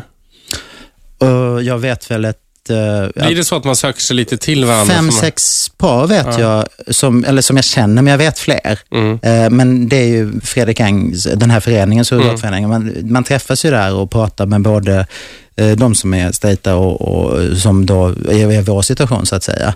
Eh, Så det, och det görs ju hela tiden. Norrmännen, det i, Norge, i Norge görs det hur mycket som helst. Mhm. Eh, Och det är väl också lättare för dem med norska löner, så har du lättare, helt enkelt bättre ekonomi. Mm. Och det blir ju en sån fråga. Mm.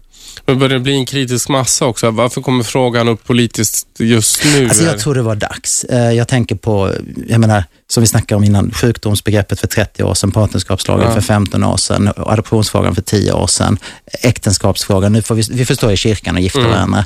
Och nu, så det var liksom, det är nästa fråga. Och det, det, är liksom, det är väl det sista barrikaden som måste slås ner, men det är viktigt där tycker jag att man inte stannar upp, utan att man verkligen fullföljer. Mm. Eh, Och, och ju fler som gör det här, eh, ju mer, de flesta, nu låter det som att debatten är väldigt infekterad, men det är en väldigt liten del som har egentligen har åsikter. De flesta tycker bara det är häftigt att vi kan skaffa barn. Mm. Så det är egentligen inte en så stor fråga som, som den här högljudda minoriteten från både höger och vänster då kanske får det att låta. Men egentligen så landar ju både Kristdemokraterna och Vänsterpartiet på samma, ja. samma fot lite här. Och bland annat då i den här artikeln, i debattartikeln som Göran Hägglund har skrivit i Expressen. Nu hittar jag inget datum här, men det var väl förra veckan tror jag. Eller förra, förra veckan. Eh, då säger han så här, den här, det här är en ordning som vi inte vill införa här eftersom den reducerar, reducerar människor till handelsvaror. Men uppriktigt sagt, KD har legat under riksdagsspärren i mätning efter mätning. De får 3% av väljarstödet och ändå fortsätter de envisas med att driva dessa frågor. Och jag menar, det, det där är ju ett jättetydligt tecken. Men när de säger att vi vill inte, det är, väl, det är väl en liten, liten procent av svenska folket som inte vill. Men de flesta bryr sig inte överhuvudtaget. De flesta tycker det är jättekul. Vi ska fortsätta argumentera kring detta. Vi ska snart ha en paus. Men innan pausen ska vi få höra lite vad som händer i nyhetsvärlden. Radio 1. Aschberg. Aschberg. Och det är inte Aschberg som är här idag på Aschberg på Radio 101,9 utan det är Fredrik Fedli som sitter bakom rattarna och jag är sjukt glad att han är på semester så att jag får sitta här och orda istället. Idag pratar vi surrogatmödraskap för fulla muggar. Glöm inte heller att ni kan ladda ner vår nya app som finns ute nu till alla typer av smartphones. Jag tror alla typer i varje fall. Eh, och som funkar mycket bättre än förra. Den streamar bättre, ljudet ska vara bättre, säger alla de här som förstår sig på. Jag bara lyssnar ju så fort jag kan. Eh, vi pratar om surrogatmödraskap som sagt här i timmarna tre. Med mig i studion har jag såklart Shabbe som alltid sitter här och har koll på flödet på radio1.se. Mm. Eh, nu verkar det vara mer interna diskussioner. Så det är... Jaha, nu slåss de internt. Ja, vem som är dum i huvudet och vem som inte Men det är härligt. Eh, efter nyheterna här i halvslaget ska vi plocka in lite telefonsamtal och det skulle bli kul att få höra era synpunkter och åsikter. Med mig i studion har jag Seved Monke Einestål som själv har blivit pappa via surrogat och som har delat med sig av dina erfarenheter. Eh, jag tänkte att vi skulle ta några till av de här argumenten. Eh, du var så tyst. Det var ovanligt. Eh, så jag trodde att micken inte var på först. ja, nej. jag vill bara få ett livstecken. Där sitter eh, Seven. Eh, några av de här argumenten som man får då från vänster och höger och Vänsterpartiet och KD har ju hittat en liten ohelig allians här. Bland annat då står det på KDs hemsida och nu blir det de som får vara störst föremål, men, men ungefär samma sak säger Vänsterpartiet, så det är hugget som stucket. Eh, då säger deras, grupp, eller deras talesperson i socialutskottet, Anders Andersson, säger så här på kd.se. Jag är förvånad över att samma folkpartister och miljöpartister, och det är många fler, här helt vill definiera ut papporna ur familjelivet om man skulle införa eh, alltså surrogatmödraskap. Ja, det... Hos er har det blivit två pappor indefinierade. Ja, nej, det är verkligen otroligt konstigt resonemang för att det, då utgår man ifrån det här med moderskapet igen, så att mm. säga. Och jag, som, jag tycker inte överhuvudtaget att det är, är särskilt intressant, utan det handlar ju om människor. Mm det, det är väl inget som säger att en kvinna är bättre lämpad mm. än en man, eller någon kvinna är bättre lämpad än en annan. Det är ingen som kan avgöra det, utan det, det är hur den personen förhåller sig till, till sitt barn. Mm. Eh, och jag, jag förstår inte hur, hur man kan driva den där frågan så hårt utifrån ett, ett perspektiv där man säger sig jag menar, vad sa Jesus? Låt mm. barnen komma till mig. Jag menar, herregud, det är bara de barnen som, som är, eh, som är liksom kärnfamiljsbarn som är välkomna. Och jag, mm. jag, jag har sagt det innan, nu upprepar jag mig, men det är ju ett jätteproblem att alla barn som inte faller under kärnfamiljsbegreppet ut, eh, liksom, är inte intressanta eller blir stigmatiserade. Jag tycker, det, jag tycker det är hemskt. Jag tycker det är synd att det har blivit så. Och jag tror också det handlar om okunskap. Jag tror det handlar om att man tror att en familj som inte har eh, mamma, pappa, barn är en dålig familj. Eh, och så är det ju inte. Det finns ju jättedåliga mm. familjer med mamma, pappa, barn och det finns fantastiska familjer med mamma och två barn. Det finns fantastiska familjer med två mammor och ett barn. Så jag menar, det där är, så, det är väldigt, väldigt gammaldags syn på, men jag tror, att, jag tror faktiskt att det håller på att förändras där, för att eh, världen ser inte ut så. Jag menar, vi har väl högst skils, med varannan, varannat äktenskap, mm. full, alltså, det är skilsmässa hela tiden. Så mm. det, det är så världen ser ut, då måste man förhålla sig till det. Men jag tänker också på eh, lite eh, i anknytning till det här om assisterad befruktning, då, det sättet som eh, jag och mitt barns mamma har valt att skaffa barn, eh, det är ju ett sätt att, eh, alltså vi har gjort provrörsbefruktning som vänner, vi är inte ett älskande par eh, och eh, hos oss har det blivit så att vi har ju då valt att inkludera pappan som annars hade varit utanför eh, och jag får ju en ställning i det här som jag inte hade haft annars och det mm. tycker jag också är ett perspektiv som eh, missas mycket i hela Mm. den här debatten. Att är det inte reglerat så kommer man, barn kommer ändå att bli till för den här driften Ja. och längtan är så stark. Men är det då inte reglerat så hålls ju allting utanför. Ja, alltså det är ju det att varför nu, om det nu är så att vi ska förhålla oss till verkligheten, vilket vi utgår från att alla partier i riksdagen vill göra, eh, mer eller mindre, då, då, då, måste, ja, men då, måste, då måste man ju se till att de här barnen finns här. Eh, och, och då vet, alltså, folk kommer inte sluta, homosexuella kommer inte sluta, strejta, kommer inte sluta skaffa barn med surrogat. Tvärtom så kommer förmodligen fler och fler göra det på grund av att de inte kan få barn. Det finns massor med familjer. Sen är det ju så otroligt svårt att prata om detta. Mm. Eh, det, det, nu när vi skaffar barn med surrogat, vi, vi, var ju rätt gamla när vi fick barn, då kommer jättemånga tjejkompisar och berättar liksom, ja vi hade vi försökt och vi, du vet det är jättemånga som har problem med det här men som inte pratar om det. Och då är det här rätt sätt att, att, eh, och jag menar hur kan man vara emot att, att, det, att det bildas lyckliga familjer? Jag förstår inte det alls. Jag funderar lite också på det här med att man utgår på något sätt som att de här barnen redan finns till och att man därefter avgör deras öde på något sätt. Ska de inte få träffa mamman eller ska de inte få träffa pappan? Eh, samtidigt är det så att det här är barn som annars inte skulle bli till alls. Ja. Eh, och det är på något sätt som att de menar på att det är bättre att de här barnen aldrig får födas.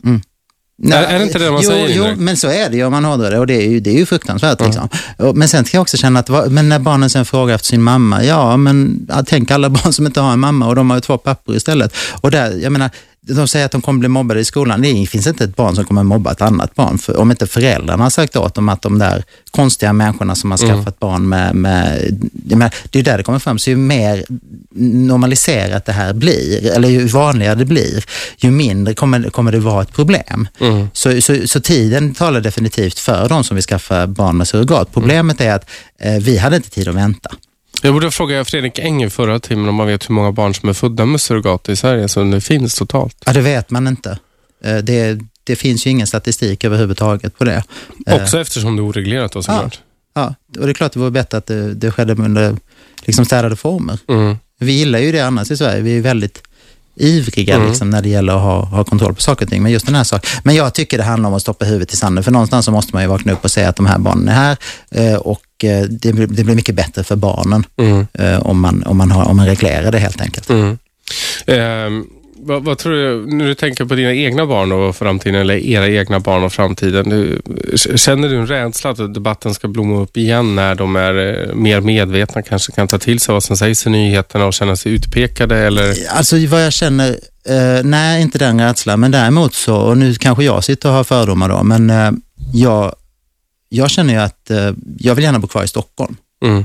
Eh, jag har jobbat i Sjöbo i fem år. Mm. Jag vill inte, eller så som Sjöbo för söt och tio. Ursäkta alla ni som bor i Sjöbo, det är absolut inget personligt. Men det, jag tror det skulle vara väldigt svårt för oss att flytta till en mindre stad. Just på grund av, precis på samma sätt som det skulle vara om, eh, om man som invandrare kommer till ett litet samhälle och så vidare. För det blir så väldigt speciellt. Men skulle vi flytta till Uppsala eller Lund eller bo kvar i Stockholm eller Göteborg eller Malmö, så tror jag det är ett problem. Men jag är inte rädd för att eh, det kommer bli, det är klart att debatten kanske kommer upp, men jag tror om 15 år så tror jag vi har kommit mycket, mycket längre än så. KD, KDs Göran Hägglund säger också i sin debattartikel på Expressen.se, det jag hittade den idag, eh, den, var- den var publicerad här för några dagar sedan, att eh, varje barn har rätt till sin förälder och till sitt eget ursprung. Detta är inte bara en kristdemokratisk ståndpunkt utan även något som tydligt slås fast i FNs barnkonvention. Eh, frånhåller man, eh, om man har fått barn via surrogat, eh, barnet eh, någon förälder på något sätt? Nej, jag tycker inte det. Inte man är helt, eh, de har ju två föräldrar eller en förälder, hur det nu blir. Men alltså, är, man, är man tydlig, det är klart att det är hemskt om man för att adoptera ett barn skulle ljuga och, och inte låtsas om att det var adopterat. Och, och, men om man, om man är ärlig och berättar så tycker inte jag, jag menar, det finns ju eh, en kvinna som har burit våra barn och det finns en kvinna som har donerat ägg. Mm. Och det är ju, då vet man ju ursprunget. Men ingen av dem är ju deras mamma ur den Finns det någon så här eh, syn i, debatten på att det är någon perversion, att vi leker Gud? Alltså det tror jag det finns så fort man överhuvudtaget, men vi var inne på det med liksom att man skulle liksom donera eller sätta in ett nytt hjärta från en människa till en annan, att då var man lekte Gud och så vidare. Men utvecklingen går ju framåt hela tiden, så jag tycker inte alls att det är... Eh, jag, jag, jag, tycker, jag tycker det är en konstig debatt faktiskt. Jag hade faktiskt en debatt med en pingstpastor tror jag var någonstans i någon av Skånekommunerna på det här på Twitter häromdagen. Eh, och han menade på att det var, det var så horribelt att ungefär 30 000 aborter utfördes varje år samtidigt som man då ska åka till Indien till exempel och, och få surrogat eller assisterad befruktning. Det handlar det- om helt olika barn för Ja. helskotta. Man kan ju inte tvinga någon som absolut inte är redo att bära ett barn eh, med motiveringen att, att genomgå hela liksom, graviditeten och sen få ett barn när, när det är ett oönskat barn. Samtidigt som det sitter andra människor och liksom, alltså, har tandagnisslan av där, alltså jag, jag kan känna det här med, med liksom det här rätt eller liv, leka Gud, hela den debatten. Det, det är ju väldigt få människor som, som använder den som, en, eh, som ett argument. Och det är, ju- jag menar, är man väldigt religiös och tycker att, att eh, liksom livet startar vid befruktningsögonblicket eller om man tycker att, att det är ett och döda och så vidare, då är det klart att man är emot surrogat. Men, men de människorna blir färre och färre som tycker det. Det säger Seved Monke som själv har blivit förälder eh, tillsammans med sin man Henrik via eh, surrogatmödraskap och kontakta med Indien. Vi fortsätter diskussionen efter nyheterna om eh, eh surrogatmödraskap och ni kan börja ringa in nu i pausen på 02.00, 11 12 13 och göra din åsikt hörd. Annars så fortsätter vi bara att prata för jag har jäkligt mycket att säga på temat. Har du frågor kanske du, om surrogatmödraskap eller är det så att du är förbannad på det här sättet att få barn eller tycker du att det är fantastiskt? Ring in till Radio 1 på 101,9 på 0200 11 12 13. Radio 1. Aschberg. Aschberg. Då var vi tillbaka på Aschberg Radio 101,9 som är Sveriges nya pratradio. Jag heter inte Robert Aschberg, däremot Fredrik Fedley och jag tar er igenom den sista en och en halv timmen utav dagens Aschberg-sändning. Han är som sagt och eh, lapar kokosdrinkar på Bahamas eller någonting. Eh, jag eh, har, dagens ämne är ingenting mindre än livet i sig självt egentligen. Vi pratar surrogatmödraskap för fulla muggar. Ni kan ringa in på 0200 11 12 13. Har ni tekniska frågor om hur det går till, vad man ska tänka på, vart man vänder sig, vilka länder som funkar och så vidare. Så ring in på 0200 11 12 13 eller är det så här att ni är förbannade? Det är, eh, så här ska det inte gå till. Det bryter mot naturens lagar eller vad nu eh, de här gudstroende människorna kan tycka. Så ring in på 0200 11 12 13 och gör er åsikt hörd för att se om vi blir överens eller om vi helt enkelt eh, bestämmer oss för att inte tycka lika. Eh, med mig här i studion har jag Seved eh, Monke Einestål som eh, är eh, själv är pappa via surrogat. Och vi har ett samtal här som jag inte har kollat innan så det kan bli hur kokosjo som helst. Hallå, vem har jag på tråden? Och då hade jag tappat den redan innan. Fortsätt ringa in på 020 11 12 13. Hallå, har vi någon där? Ja, god middag, god middag. Hej, vem är du? Lennart heter jag, hej. Hej Lennart. Jag skulle höra, ni är bara karlar i studion. Jag skulle gärna höra, vilja höra vad, hur, vad Shabbe har för synpunkt på det här, för det är en klok kvinna. Såklart, då lyssnar vi på Shabbe. Mm, hej Lennart. Eh, jag, jag, jag är för surrogatmödraskap. Eh, jag är inte så jätteinformerad, det är därför jag inte uttalat mig eh, om det. Men jag är, jag är för och vi har haft den här diskussionen här på Aschberg tidigare och då sa jag att jag tycker att eh, det ska vara upp till var och en att få bestämma vad man vill göra eller inte göra. Mm, ja, det är intressant. Jag ska följa debatten. Jag är inte så där 100% insatt, men jag följer den här debatten och jag ska fortsätta att lyssna. Tack ska ni ha. Du, tack Lennart för att du ringde. Hej, hej. Ha det gott. Det var alltså Lennart som ringde in på 020 11 12 13. Här i pausen så ringde också Christian och han hade ett dåligt batteri så jag lovade att ställa hans fråga. Eh, han funderar en del, inte kring, eh, kring eh, eh, surrogatmödraskap utan han funderade kring det här med assisterad befruktning och att många svenska kvinnor väljer att åka till eh, Köpenhamn eller till Finland för att få, få hjälp att bli mamma och bli då en ensamstående mamma. Eh, och Det är ju för att man inte har stöd i svensk lag. Det är inte olagligt att göra det i Sverige, men man har inte stöd i sjukvården idag att, att hjälpa till med assisterad befruktning. Eh, och Hans oro var att man då blir ensamstående förälder under den här tiden och funderar vad händer då rent juridiskt med barnet om det är så att man inte Eh, ja, ifall man faller ifrån eller någonting sånt där. Jag tror att vi tar den frågan om en liten stund, för nu jävlar ringer det här. Hallå, vem har vi på tråden? Nu tappar vi den förstås. Hallå, vem har vi på tråden? Vad fan är det för fel här nu då? Hallå, vem har vi på tråden? Hallå? Hallå, vem är det där? Ja, Nisse heter jag. Hej, välkommen till Aschberg och eh, jag låtsas Aschberg. betala för, vem ska betala kalaset då? Vem ska betala kalaset? Det finns lite olika uppfattningar. Så som Seved och, ni, har- Seved och Henrik har gjort, de har ju betalat allt ur egen ficka. Medan eh, Fredrik Eng som var med i första timmen och, och var från Surrogatmödraföreningen, han, eh, han menar ju att det här ska gå via skattsedeln. Ja. Du tycker inte att barn ska, ska bli till eh, via På skattsedeln? det, sätt, på det sättet. Om surrogatmorsan ändrar sig då? Alltså, då får man ju ha... eh, Seved, vad säger du? Alltså hon kan ju inte ändra sig eftersom det avtalas ju bort så att säga. Hon, eh, Ja, det är hennes barn, det är hennes kropp. Men om det, om det inte är hon som har stått för ägget så, så är det ju inte hon som det, är har... därför, det är därför det kallas surrogatmödraskap. För att man tar ett embryo och sätter in från en, alltså du befruktar ett ägg från en kvinna och sätter in en annan kvinna. Nej men det, det är så, så att hon, det, det är inte så att hon kräv, kan kräva det barnet. Men, Det är ju inte hennes barn genetiskt. Genetiskt? Nej, nej men... eh, ja, ja. Men vad, vad är det du tycker är problematiskt med det här? jag tycker sånt här ska förbjudas. Det, det ska vara olagligt att hålla på så där, tramsa och jamsa. Ehm, Är det också till exempel om, det var ju ett syskon... Med unge i så fall då. Nej, men vi pratade ju om ett syskonpar här. Det var, det var ju en, eh, en man och en kvinna, heterosexuellt par som lever tillsammans och där eh, kvinnan inte kunde bära, alltså hon hade ägg men hon kunde inte bära, det fastnade inte av någon anledning och, och eh, svägerskan till henne var beredd att bära barnet. Eh, ska det vara förbjudet? Ja, det tycker jag. Varför då? Varför ska de leva i barnlöshet? Ja, men man, kan, man kan väl adoptera en unge? Ja, men om de vill ha sitt eget barn. Ja, vill ha, vill ha. Nu har naturen sagt att man inte ska ha, då får man acceptera det. Ah, så det är Darwins eh, lag som gäller i dina ögon. Ja, Har vi inte kommit lite längre, då borde vi låta de hjärtsjuka dö och inte hålla på att byta hjärtan eller ge dem hjärtmedicin. Och cancern kunde vi sluta behandla. De röker, de ska inte heller få leva. Oj jävlar, nu får vi åsikter här på riktigt. Får man fråga, det är såklart valhemlighet, men, men vad röstar du på om du har de åsikterna? Eh, vad jag röstar på? Ja, Ja, det är väl min Jansson.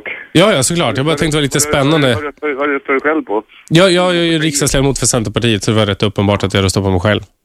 Ja, jo, det är självklart. Man är ju sig själv med. Så är det såklart. Du, jag får tacka för att du ringde. Ha det gott. Det, det ringer på alla här nu, vi bara matar på, så kommer vi till Christians fråga sen. Hallå, har vi någon på tråden? Ja, Vem är det där? Pelle. Hej Pelle! Tjena, tjena. Vad har du på hjärtat? Jo, nej, det, det, det, vad heter det? Uh, ja, det, det, ämnet, Surrogatmödraskap. ja, v- vad heter det? Men, men alltså, jag förstår inte riktigt här, alltså i Danmark, eh, alltså betalas det av den allmänna sjukvården? Och, Nej, nej, nej. Eller jag vet inte hur det funkar för danska. Vet du det, Steven? det, så kan det ju inte vara alltså. Nej, men om du till exempel gör assisterad befruktning i Danmark så gör du det själv. Eller betalar du det själv. Jo, men, men de i Danmark menar jag, alltså där det är tillåtet. Är det den offentliga sjukvården eller går danskarna själva och pröjsar det där alltså? Det vet jag inte. Däremot får svenskarna göra det. Ja, man betalar, jag vet faktiskt inte hur de, de som kommer från Danmark men svenskar får ju betala en del av kostnaderna själv. Ja, Men- jag vet. Ja, men det är helt rätt alltså. Det, det är liksom, ska man hålla på sådär så får man ju pröjsa sig själv liksom. Och Så är det ju i Sverige. Alltså, vi gjorde ju provrörsbefruktning och det eh, gjorde vi på privatklinik och det fick vi ju betala. Det var inte gratis det heller. 60 000 nej, någonting. Precis. Nej, nej, nej, det vet jag inte Men, fin, men finns det inte en risk då, Pelle, att det blir så här att den som då inte har medel, alltså eh, både jag och mamman har hyggliga inkomster, men det tog ändå sin lilla tid att spara upp 60 000 kronor. Eh, finns det inte risk att om man då Ja, ja, har ett vanligt jobb att man aldrig kan få bli förälder? Alltså. Nej, men alltså så här är det ju va. Ja. Man behöver inte gå in på liksom så här vad som är... Eh, som, men alltså... Eh, det, det, det som, som det har blivit nu så är det att om, om, om inte alla kan göra vad de vill, när de vill och, och hur de vill. Alltså, för, förstår du vad jag menar? Då är man ungefär diskriminerad eller kränkt eller något sånt där. Att, jag menar, alltså, det, det håller ju inte i det här sammanhanget alltså. För att? Alltså, jag, alltså om en, en, en mamma liksom inte, om inte hon har lust att gå och, och träffa en snubbe, alltså, då får vi klart hon får pröjsa det där kalaset själv. men tänk om hon bara träffar idioter, eller tänk om det, kan man inte få göra valet att leva själv? Ja, ja, ja, ja, men alltså om hon synen eller om, om inte hon kan anstränga sig tillräckligt, va, så, så, så liksom, vad fan. Nej, men det, det, det, det, det, håller inte. Nej men fan Pelle, inte är det väl så att det handlar om anstränga sig tillräckligt ifall man, man lever ensam. En del gör ju det valet och... Om, om du träffar på kvinnor som är så här, de, de börjar närma sig 40 så här. Bara, nej, jag har aldrig träffat den rätta och såna här grejer. Så vad fan, vad har du gjort de senaste 20 åren? De har ju en konstig fantasi om någon riddare som ska dyka upp och det perfekta förhållandet hit och dit. För då, du kan ju åka finlandsbåt varenda jävla helg liksom. Va? Så det är din uppmaning. Vi ska inte ha assisterad befruktning i Sverige, utan ut på Viking Line. Ha, vi kan inte ha något sånt konstigt självförverkligande m- mumbo-tjafs liksom. Att, att, att, att, att det- skulle falla på, på min Alltså att, att jag ska pröjsa för, för andra inte för att hitta en snubbe. Men du, jag har två frågor då. Eh, om, om vi då säger att jag är kvinna och jag tänker så här, okej jag vill ha barn och jag vill ha barn själv så jag sticker på en kryssning och jag ligger med allting som rör sig. Jag hoppas att jag liksom blir på chocken. Eh, är det schysst mot den farsan då, som ändå blir en farsa? Nej, men den farsan får väl också se till att skydda sig i sånt fall. Ja, men hur ska kondom bli? Om alla, om alla karlar då använder kondom så blir hon ju aldrig på chocken. Alltså, det där, det där, det där, det där alltså, men, men, men sen är det väl också så att, det, alltså det finns, finns det väl ändå statistik på, alltså att, att barn som växer upp med, med ensamstående föräldrar, att, att de eh, oftare hamnar i, i, i sämre situation. Tänka, det tror jag absolut inte att det gör. Ekonomiska situationen att göra, det, det har du va? Jag tror absolut inte att det finns någon sån statistik. Det där var ju någon fördom man hade för 20 år sedan när det blev allt vanligare med skilsmässor. Vad sa du? Det där var ju någon fördom man hade för ungefär 20 år sedan när det blev allt vanligare med skilsmässor. men det finns väl jag inga siffror? växer upp i, i, med, med, med bara en förälder, alltså att de är, är alltså förekommer mer alltså. Men är det inte bättre att man växer upp med en kärleksfull förälder än att man inte lever... Men jag, jag, jag, jag skulle vilja ta upp ett par saker. Ja, visst är det. Eh, eh, som- Det ringer, jag vill bara säga till alla som ringer, fortsätt ring. Vi, vi tar ett samtal i taget. Ja. Ja, Eh, jo, eh, som intressant. Man, man vecklar in så mycket. Men, men eh, i Sverige Mm. eh, så- så, får man ju inte, vad heter det? Då har ju barnet rätt att veta vem farsan är sen då. Alltså och, och, om ett par, eh, eh, ja alltså ve- vems, eh, om det är provrörsbefruktat då, då, då har ju barnet rätt att, att eh, Alltså om jag har donerat sperma, sperma så efter att barnet är 18 har du rätt att få reda på det och söka upp den. Men den viktiga frågan, och den tas aldrig upp i polissammanhang, det finns ingen upplysningsplikt från föräldrarnas sida att tala om att barnet... eh, Nej, det gör inte med adopterade eller fosterbarn heller. Fosterbarn får de ju reda på eftersom de har ju juridisk arvsrätt på någon annan förälder, men eh, adopterade barn får ju inte reda på det. Nej, nej, inte nej, det är lika fel det är ju. alltså. Tycker att det ska vara det? Nu, nu, är det ju så att, att de flesta barn är, det är liksom Indiens rang, så, så det, det syns ju ganska tydligt va. Men, men, men det borde ju vara likadant där. Va? Men, men, men, men alltså, att det inte finns någon upplysningsplikt från föräldrarnas sida, det tycker jag är alltså, det, är- att, att inte, hur kan det inte vara så alltså? Mhm. Om man, har säger, om man tar reda på det. Därför att de barnen, och det måste man tänka på också, att de här barnen, alltså de, eh, det är därför kvinnor kanske fortfarande, även om det skulle i Sverige, alltså skulle åka till, till, till man i alla fall. Va? För, för jag menar, jag tror många inte vill alltså att, att de ska kunna reda på, och jag tror många donatorer heller inte vill att, att, att de ska bli uppsökta i efterhand. Va? Spännande Pelle. Vet du vad? Vi ska snart ha ett litet break här, men först ska Isabelle ge lite nyhetspuffar här. Så att, eh, Jag tror att vi får tacka för ditt samtal. Du får gärna ringa tillbaka lite senare. Ha det gott Pelle. tack. Nu ska vi höra vad Isabelle har att bjuda på nyhetsmässigt. Radio 1. Aschberg. Då är vi tillbaka på Radio 101,9 som är Sveriges nya pratradio. Glöm inte att ni kan ladda ner vår nya app som funkar mycket bättre med streamingen och ljudet. Eh, vi har en rad telefonsamtal här satta på hold. Man ringer in på 0200 11 12 13 och gör sin röst hörd. Vi plockar in första samtalet här. Hallå, vem har jag där? Nej, då har vi tappat den förstås. Men då ska vi ha Christian här. Är du kvar Christian? Ja, jag är kvar. Jag är kvar. Tjena, gör din röst hörd nu. Jo, jag tänkte höra, jag glömde bort vad gästen hette i studion där. Eh, Seved Monke Einestål. Ja, så var det ja. Jag tänkte höra om jag har förstått det här rätt. Eh, Tvillingarna där, de har alltså, det finns ingen mamma med i bilden då i efterhand. Nej, just det. Det finns två pappor istället. Men, eh, jaha. Eh, Men, eh, Man vet inte ens vad mamman är. Nej, den donatorn var anonym. Så det är en kvinna som har donerat ett ägg. Och det är den eh, biologiska modern eller vad man ska säga. Hon som bar barnen, eh, hon, eh, det var ju inte hennes ägg. nej, nej. Så att hon är ju inte heller mamman. Så i detta fallet så blir det ju då två pappor istället. Så, Ja, så Seveds man har adopterat barnen. Ja, ja, okej. Nej, Jag tycker bara att barnen, barnen har väl rätt till en mamma också, eller är, det helt, är man helt fel ute då? Eller? Men jag tänker så här, alla de barn som föds av ensamstående kvinnor, har de, de har inte rätt de får inte träffa sin pappa och det finns ju barn som lever med ensamstående pappor. Eh, Och de, det, det är inget som, de barnen får inte sämre än några andra barn. Nej, nej.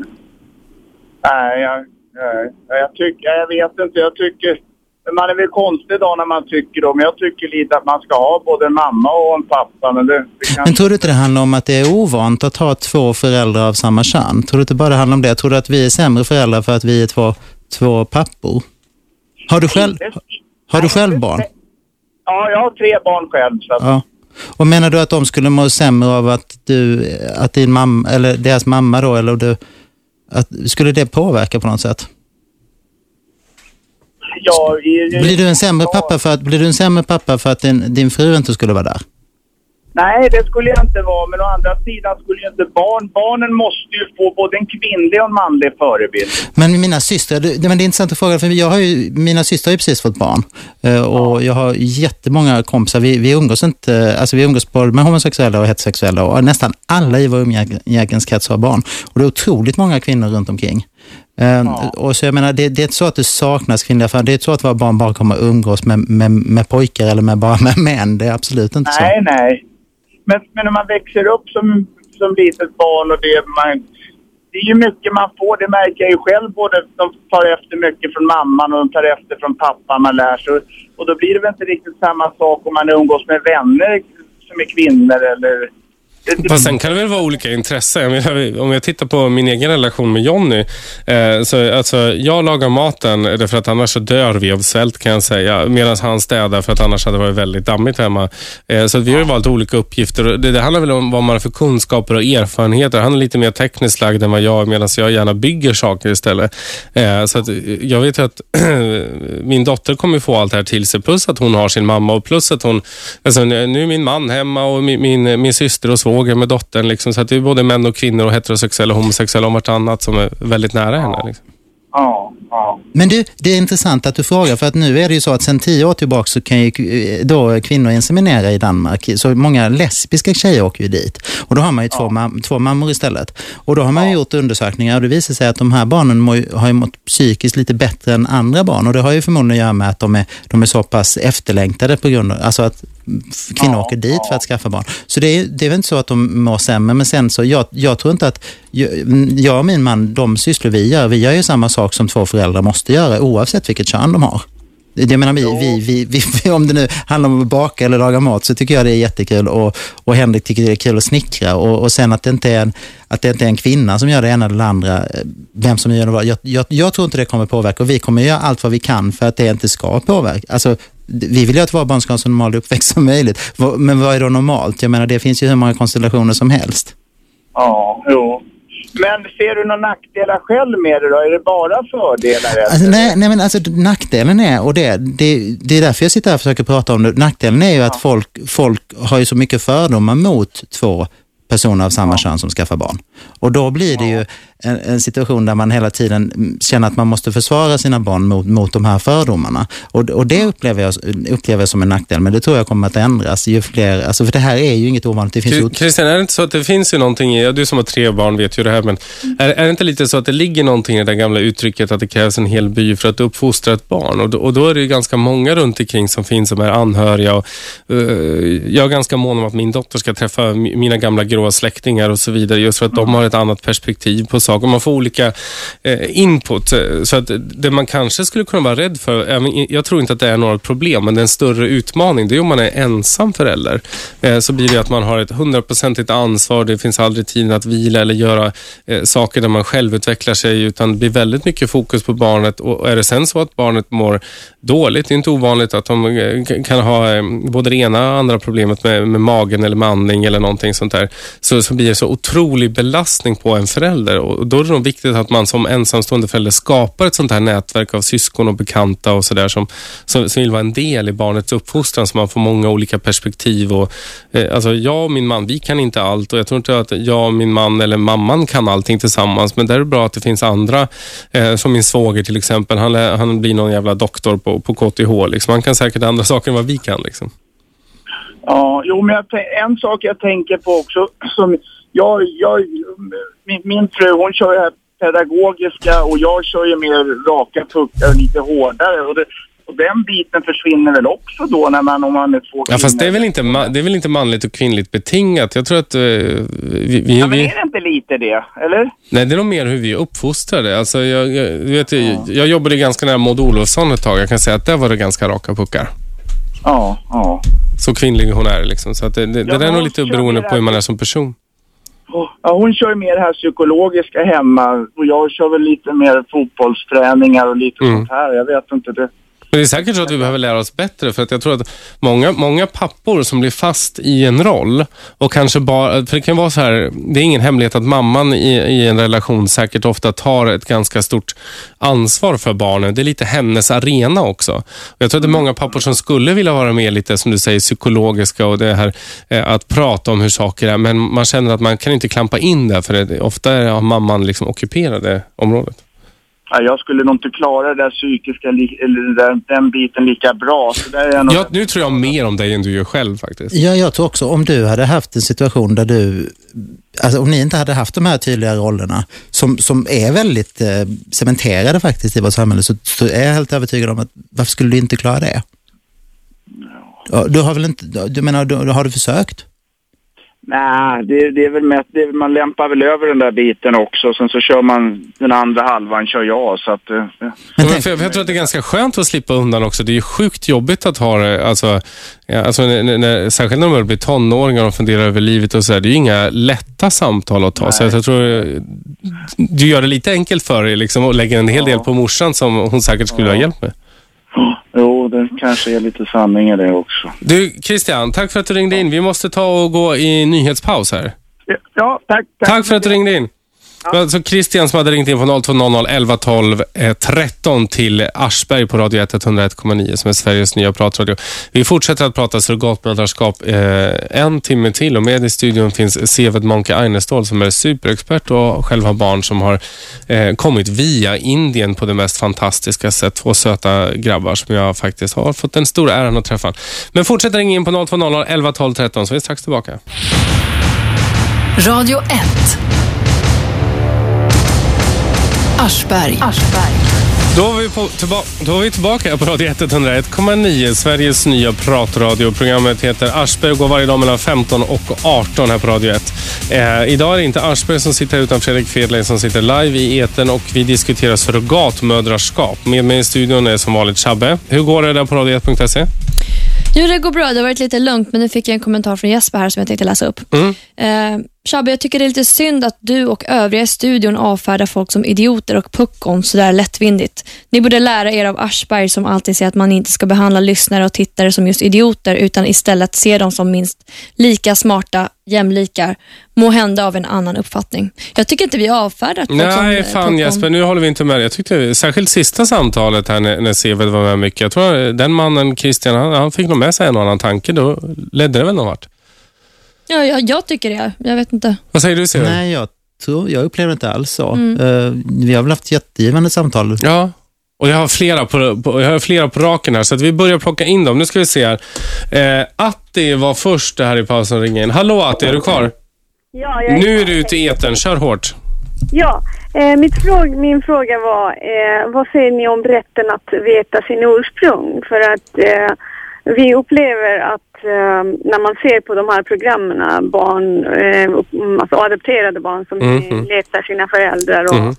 eh, alltså, det blir deras sto- största fråga i livet att hitta sin ursprung och veta vem den biologiska pappan eller mamman var och sen när de träffar en mormor eller farfar eller någon så blir de jätteglada och eh, har inte de här barnen rätt till att veta vilken ägg, vem eh, som var donator till äggen? Mm. Sjukt bra fråga Atti. Henrik, och hur har du tänkt kring det här? Seved. Nej, eh, Seved, förlåt, det är din man. Min man heter börjar jag bli trött tror jag. Nej, men alltså, att det, din fråga är ju väldigt viktig och det är klart att vi har funderat på hur, hur vi ska förklara det här för barnen.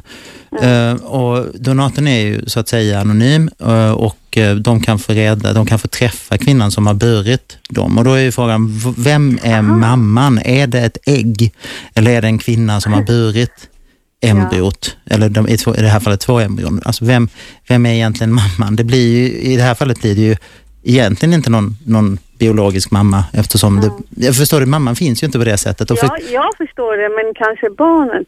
Ja, ja, men, ja, jo, men, och det, precis. Och det, det, vi, kan, vi som vuxna kan ju ta in det här och så vidare. Och, men vi måste ju välja att förklara det. Alltså, jag och min kusin, eh, hans dotter är fyra år och de frågade så här, men de var hemma och hälsade på oss och sa, men, men, men vad är mamman? Och då sa Oskar, min kusin, så sa han så här, nej men eh, hon är indien och de har kommit överens om att barnen ska vara här med Seved och Henrik. Och den förklaringen köpte hon när hon var fyra år. Naturligtvis kan man inte säga det, ha den förklaringen till en åttaåring, men jag tror att om man förklarar det på ett sätt eh, och, och, och de barnen är trygga med det så tror, så tror inte jag det kommer att vara ett problem. Eh, och jag har ju också hört talas om det här med adoption och då, att det är viktigt och så vidare och jag förstår det. Men om du sätter dig in i vår situation, vi hade ju inget annat alternativ. Vi hade ju inte, haft, vi hade inte kunnat skaffa en familj på ett annat sätt. Så vad, vad är det alternativet? Jo, vi, men, vi eh, måste göra det bästa möjliga. Men, men Seved, hur, eh, om, om era tvillingar nu vill, vill söka upp eh, kvinnan som bar dem, Ja. kan hon göra det? Ja, det kan de göra. Ja. Det, det, och det är ju avtalat då. I, I avtalet så kan de göra upp till 18 år och man sätter en 18-årsgräns för att ja, det ska väl inte vara för Okej, så livstid. jag trodde att barnen kan inte ens veta... Nej, nej, nej. den- Alltså, vi, det har vi redan bestämt nu att vill barnen åka, liksom inte när de är fyra år, då kommer det bli konstigt, men vill de åka när de är 13, 14, 15 år, vill de åka till Indien så är det ett äventyr i sig, då kommer de att få träffa henne och få se hennes hus då som hon har då tack vare att hon har gjort det har, har kunnat liksom skapa sig det livet där. Och, och det, det tror jag de kommer uppleva som väldigt positivt. Var det svar på din fråga, Atti? Ja, Tusen tack för att du ringde in till Radio 1. Tack. ha en bra dag. Ja, det detsamma. Hej. Det var alltså Atti som hade ringt in till Radio 1 på 0200 11 12 13. Nu har vi Matte och Simon på tur. Vi börjar med Matte. Hallå Matte, är du kvar? Ja, det är klart. Nu är det din tur. Ja. Det var ganska bra att jag inte kom fram direkt. Jaha, så det. Vi har en hel hög här på... Ja, jag fick jaga en bra stund. Ja. Många telefonsamtal för att komma fram. Ja, För jag ändrar närmare min uppfattning. ja sure. Shoot. Eh, jo, det som jag hade tänkt att, lägga fram det är ju faktiskt ur uh, ungarnas perspektiv. Mm. Eh, jag är själv eh, eh, tonårsförälder till två döttrar och jag lever i inom citationstecken vanlig familj då. Mm. Eh, och eh, det som jag hade som uppfattning det var just det här hur resonerar döttrarna speciellt när de kommer upp i tonåren och det, ja, när de går in i pubertet och liknande. Mm. Och det då kommer fram till frågor som faktiskt är rent kvinnliga. Mm. Förstår du vad jag menar? Mm. Eh, jag hann komma hem så jag varit, han faktiskt fråga mina ungar Mm. tycker. Och eh, de säger, ja de satt eh, en liten stund och tänkte efter och så sa de att nej, det spelar ingen roll. Mhm. Mm. Coolt.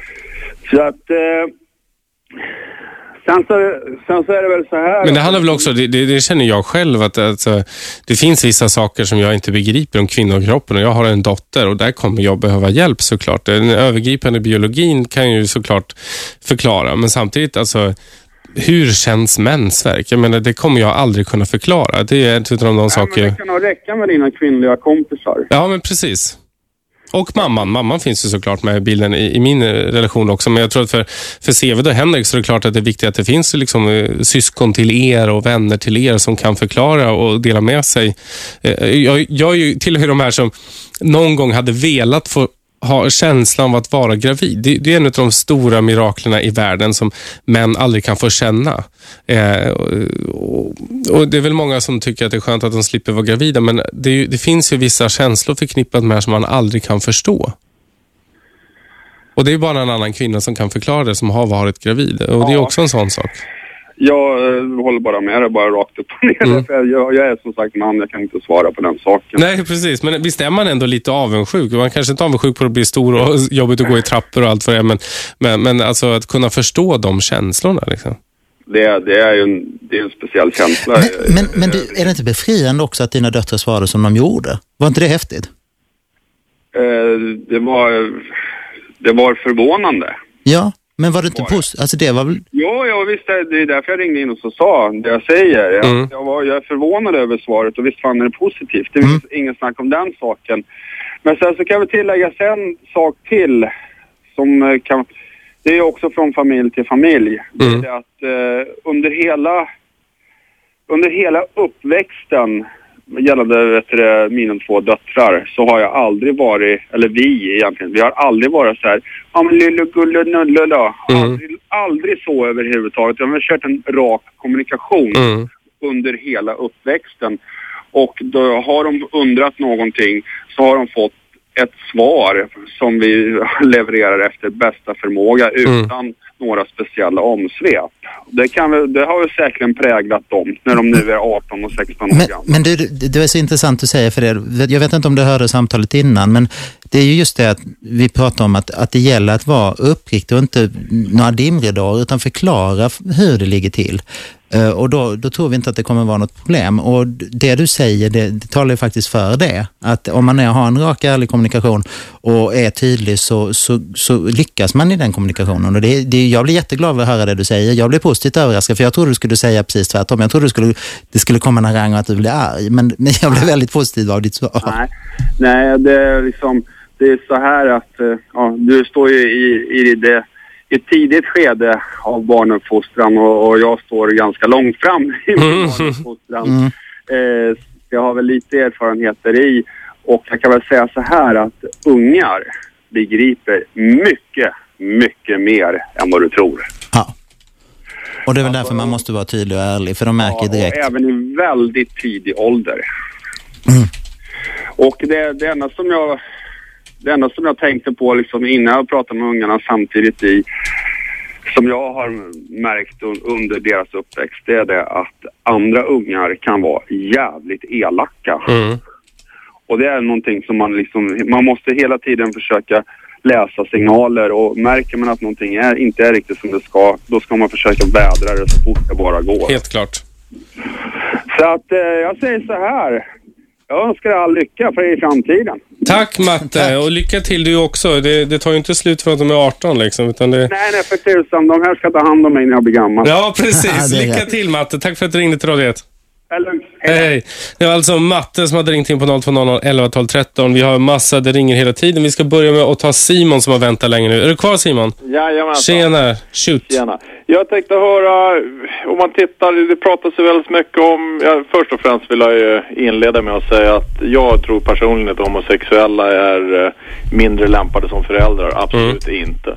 Men däremot så tycker jag man belyser frågan beträffande hur barnen mår Mm. väldigt lite och det är någonting som, ja, borstas under mattan väldigt mycket. Jag tycker man pratar väldigt mycket om ja, de vuxnas rättigheter i samhället, eh, men inte hur barnen i Mm, fråga ja, sta- historiskt, statistiskt har mått och så vidare. Det finns ju undersökningar på det här också. Jag reagerar lite grann på när du pratade om att det fanns en undersökning som pratade att barnen om skulle vara psykiskt bättre välmående som av de eh, lesbiska par som åker ner till Danmark och gör Mm. inseminationer. Det finns ju en större undersökning i USA som är gjord utav barn som har vuxit upp i homoäktenskap och inte på grund av att de har fått mindre kärlek utav sina eh, homosexuella föräldrar eller på något sätt utan de älskar sina föräldrar över allt annat självklart utan hur de har mått under uppväxten beträffande hur de har behandlats, eh, ja, allting som medför egentligen ett, ett adoptivbarn men man upphöjt till tio då beträffande den, eh, ja, hur de har mått under uppväxten, inte utav kärleken från sina föräldrar. När var den, men när var den ifrån, den undersökningen? Ja, var det var väl, kan det vara, var fem år sedan och sånt. Den var Ah, ganska okej. stor och den var ju gjord gentemot barn som var över 18 år och det var ju sju av tio som indirekt alltså var motet över hur de mådde, inte mot sina föräldrar utan hur de hade mått under uppväxten så var Mm. det väldigt negativt. Och det Men tycker jag är väldigt tråkigt att man man nämner ingenting om det här eftersom det är en ganska stor debatt här. Fast man vet ju inte så mycket heller. Hörni grabbar, grabbar. Eh, vi ska snart ha en paus. Men kan du hänga kvar lite till Simon? Självklart. Eh, och så håller du inne på svaret lite Seven. Eh, så ska vi föra Isabells fagra röst om nyheter. Radio 1. Aschberg. Då var vi tillbaka här på Radio 1, 101,9 som är Sveriges nya pratradio. Glöm inte att ni kan ladda ner apparna till, eh, eller appen till alla typer av smartphones. Eh, så är det betydligt bättre streaming idag än vad det var eh, i den förra appen och ljudet är mycket bättre. Vi pratar surrogatmödraskap idag. Hela sändningen är tre timmar lång och vi har en rad telefonsamtal som väntar och det fortsätter ringa in hela tiden. Vi börjar med att plocka in Simon igen. Är du kvar Simon? Jajamän. Ja, vi var ju mitt inne i ett resonemang här. Ja, Seved ska få svara på dig, men, men eh, det, det som var din fråga Simon för nytillkomna lyssnare, det var ju eh, om hur de unga mår, att vi måste ta eh, barnens perspektiv i detta med, och det kort. hänvisas till den här undersökningen i USA då, som var fem år gammal ungefär. Och jag, min fundering är, för det första, vi har ju inte... visar inte bara till en undersökning, så hakar jag inte upp det på den, utan det här är ju grejer som har punktkollats under, flera, under årens lopp vid flera tillfällen. Det är just därför det inte har varit så lätt att genomföra det här och det vet vi ju alla. Så det är ingen Fast han, han, handlade det bara om det? Handlade, handlade det inte om fördomar mot, eh, alltså, det, Ja, handlade det inte om en kärnfamiljespolitik? Man kan ju alltid gömma sig bakom den biten. Men jag, alltså jag, jag, jag pratar ur mitt perspektiv nu då, eftersom att jag svarar för vad jag tycker också beträffande. Det är ju att jag anser inte att homosexuella är, mindre lämpade som föräldrar. Nej, nej, nej, det tror jag, men din fråga är ju väldigt berättigad. Men jag har inte, jag har inte sett, alltså jag själv varit aktiv i HBT-frågorna de senaste tio åren. Det är ju Och, väldigt lätt att halka in på det spåret, precis som andra känsliga ämnen, att man halkar in på något fel. Och jag, pra, jag pratar ju om barnens perspektiv och det är ju flera undersökningar som har gjorts. Så kan man ju vända och vrida på det. Men jag tycker det intressanta med den här undersökningen för fem år, jag tror det var 20 eller 30 000 tillfrågade uppvuxna i homoäktenskap. Varför det var så negativt. Det var som sagt inte föräldrarna som var mindre lämpade på något sätt. Eller Utan omgivning. men vad ska man göra åt det då? För alla de här 20-30 000 som du talar om, de finns ju i samhället. Och det finns ju ännu fler. Alltså, det är jättemånga tjejer som åker till lesbiska som åker till Danmark och nu kommer man kunna göra det i Sverige snart och så vidare. Och hur ska man, måste man då ändra attityder i samhället? Eller vad ska man göra? Ska- Menar du att om homosexuella slutar skaffa barn så försvinner problemet, eller? Nej, jag menar väl så här att eh, det finns ju, alltså jag är inte för, jag, jag är emot det och det är inte på grund av att jag vill ta ifrån homosexuella eller ha tycke för att de är mindre lämpade som föräldrar. Jag tycker att finns det indikationer på att barnen mår psykiskt sämre och far illa ut så ska väl inte det dras ut på en 20-30 års period att samhället ska vänjas av att andra ska må dåligt. Eh, barn har ju inte valt sina föräldrar så att säga.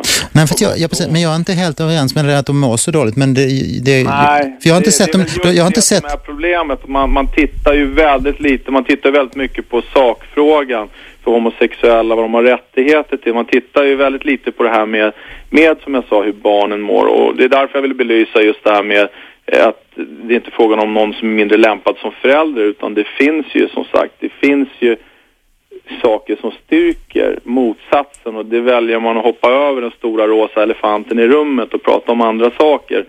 Rent politiskt så är det ju väldigt känsligt ämne på alla sätt och vis. Alla sätt och vis.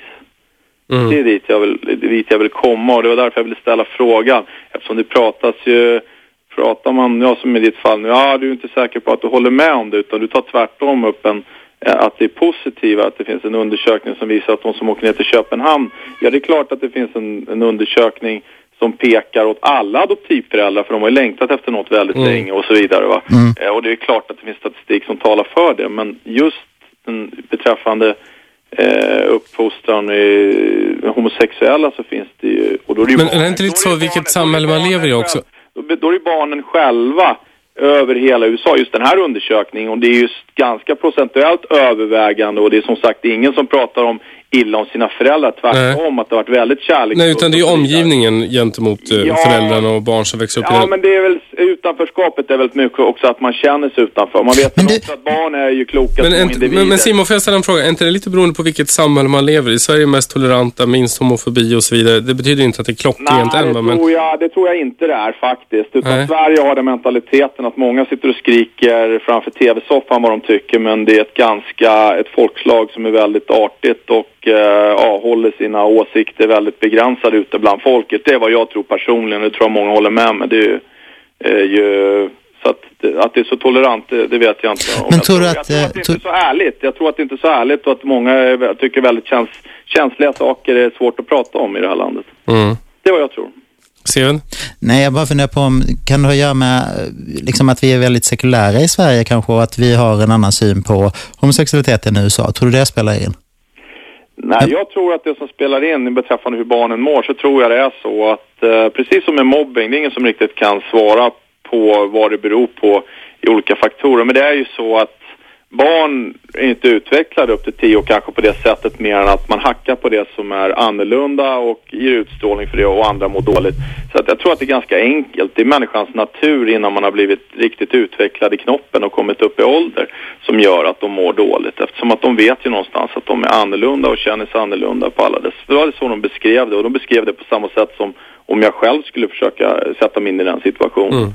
Men, hade men vara- att vara homosexuell i ett katolskt land och vara öppet homosexuell att vara eh, homosexuell i nu, Sverige? Nu pratar vi inte om eh, landsbygden kanske i södern i USA eller vi pratar väl kanske inte om eh, i Brasilien på någon katolsk landsbygd. Så jag vill inte vinkla det dit för jag tycker det är fel. Jag tror att det Nej, men tror du att det är någon skillnad på om man det, är är... klart, det är klart att det är en skillnad men du kan inte dra den liknelsen över i-länder i, i storstadsmiljö och så vidare. Nej, men det, jag vet ju inget om den undersökningen du pratar om. Men jag, tror, jag tror det är en skillnad. Barn, barnen mår och det drar liknelse till extremt. Det är väl lika extremt som att i vissa länder så kan man inte ha Pride-festival utan att det blir gasupplopp. Det är fel. I Ryssland så vill 4% av befolkningen avrätta homosexuella. Det är ju skönt att man inte har barn där. Ja, Ja, det finns väl många fel och i det här fallet så är det jag som tycker att det är fel för jag tycker att man belyser barnens perspektiv väldigt lite i det hela.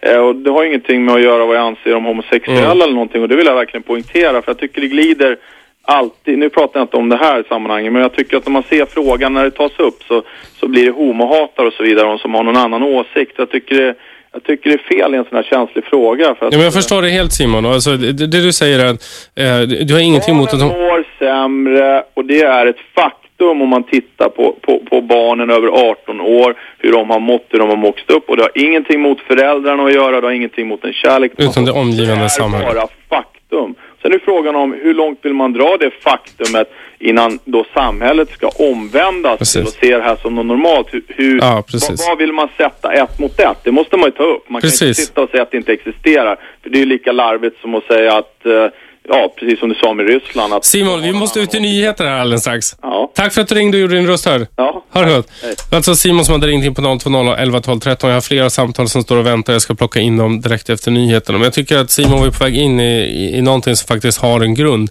Och det är ju att eh, de, de barn som då i han, den undersökning han refererar till hade mått dåligt. De gjorde inte det för att de hade homosexuella föräldrar per se. De hade inget mot sina föräldrar. Utan omgivningen var det som hade skapat ett tryck. Och då är det klart att det spelar roll om man är ett mer modernt samhälle, om man inte är. Om man är mer inkluderande eller inte. Eh, och ju fler barn som, som eh, blir normaliserade i det här, desto färre är det som mår dåligt. Tror jag. Vad tror du, Steven? Jag tror precis samma sak. Och Det handlar ju om att eh, förändra attityder och jag tror att vi är på väldigt god väg. Eh, Och jag, de undersökningar jag har läst så är vi ju ett väldigt tolerant samhälle om vi jämför med... Men såklart finns mycket kvar att göra. Jag var i Värnamo Ja, ja. veckan, så det finns rätt mycket kvar att göra en del. Naturligtvis, och, men, men liksom någonstans så utvecklingen går ju framåt hela tiden. Super. Eh, vi är alldeles strax tillbaka på Radio 1 101,9 som är Sveriges nya pratradio där vi pratar eh, assisterad befruktning. höll jag på att säga. Men nu ljuger jag, det gör vi inte alls. Nu börjar den här hjärnan bli trött. Utan vi pratar surrogatmödraskap och vi har en halvtimme kvar. Ring in på 020 11 12 13. Jag har ett par samtal i kö men sen så plockar vi in det så fort vi kan direkt efter nyheterna här på Radio 1. Radio 1. Aschberg. Aschberg. Då var vi tillbaka här på Radio 1, 101,9 som är Sveriges nya pratradio där vi idag pratar ingenting. Och just det, ni vet, det är inte Aschberg som sitter här utan det är Fredrik Fedle. Jag får vicka. Det är fan lite konstigt när man tänker på det, Shabbe. När jag var liten, redan då var jag rädd för Aschberg och nu sitter jag och vickar för honom. Mm, han är inte alls läskig. Men det är lite, annan, det är lite annat här i studion när när jag sitter här med Aschberg. Ja, det är det. De får prata lite längre. Ja, det får Ja. verkligen. Och vi har massa eh, personer som har ringt in här. De ringer hela tiden på, eh, på 0200 11 12 13. Eh, och vi har några stycken som har väntat jäkligt länge. Så, eh, vad säger du Seved Monke Einestål som är med gäst? Vi plockar in dem på en gång. Ja, Eller hur? Vad ska vi se? här? Eh, Hallå, är, är du kvar? Hallå? Hallå, visst var det Marcus? Ja, Morris. Morris var det. Hej, hej. Nu är du äntligen inne. Jajamän. Vi låter ju folk prata, eller jag låter ju folk prata till punkt. Det är det som gör att det tar så jäkla lång tid när man kommer in. Ja, men det är lite annorlunda idag då. Ja, men nu är det din tur. Nej, men, eh, ja, men först vill jag faktiskt eh, rikta lite kritik till eh, er sändning idag på grund av att det, det sägs ju vara en, eh, vad heter det, attityd, nej, vad heter det, eh, åsiktsradio. Mm.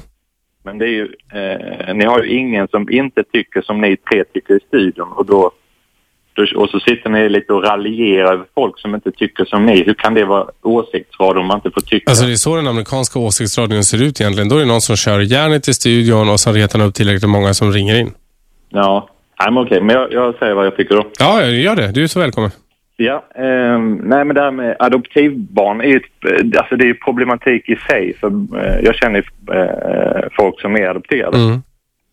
Och, de har ju eh, de har ju ofta identitetsproblem som ligger liksom djupt psykologiskt som inte de kan lösa. De känner Mm. liksom ett eh, utanförskap på grund av att ja, de har ingen, inget blod i sitt land, i detta landet liksom. Eh, och om man då ska eh, ovanpå det ta hit barn och sätta dem i homosexuella förhållanden plus att de är surrogatbarn, det vill säga de vet inte om de har en mamma eller två mammor. Två mammor blir det i detta fallet och så två pappor som de känner, två mammor som de inte känner. Jag menar hur psykologiskt kommer det inte bli jobbigt för de barnen liksom? Tror du att det blir det?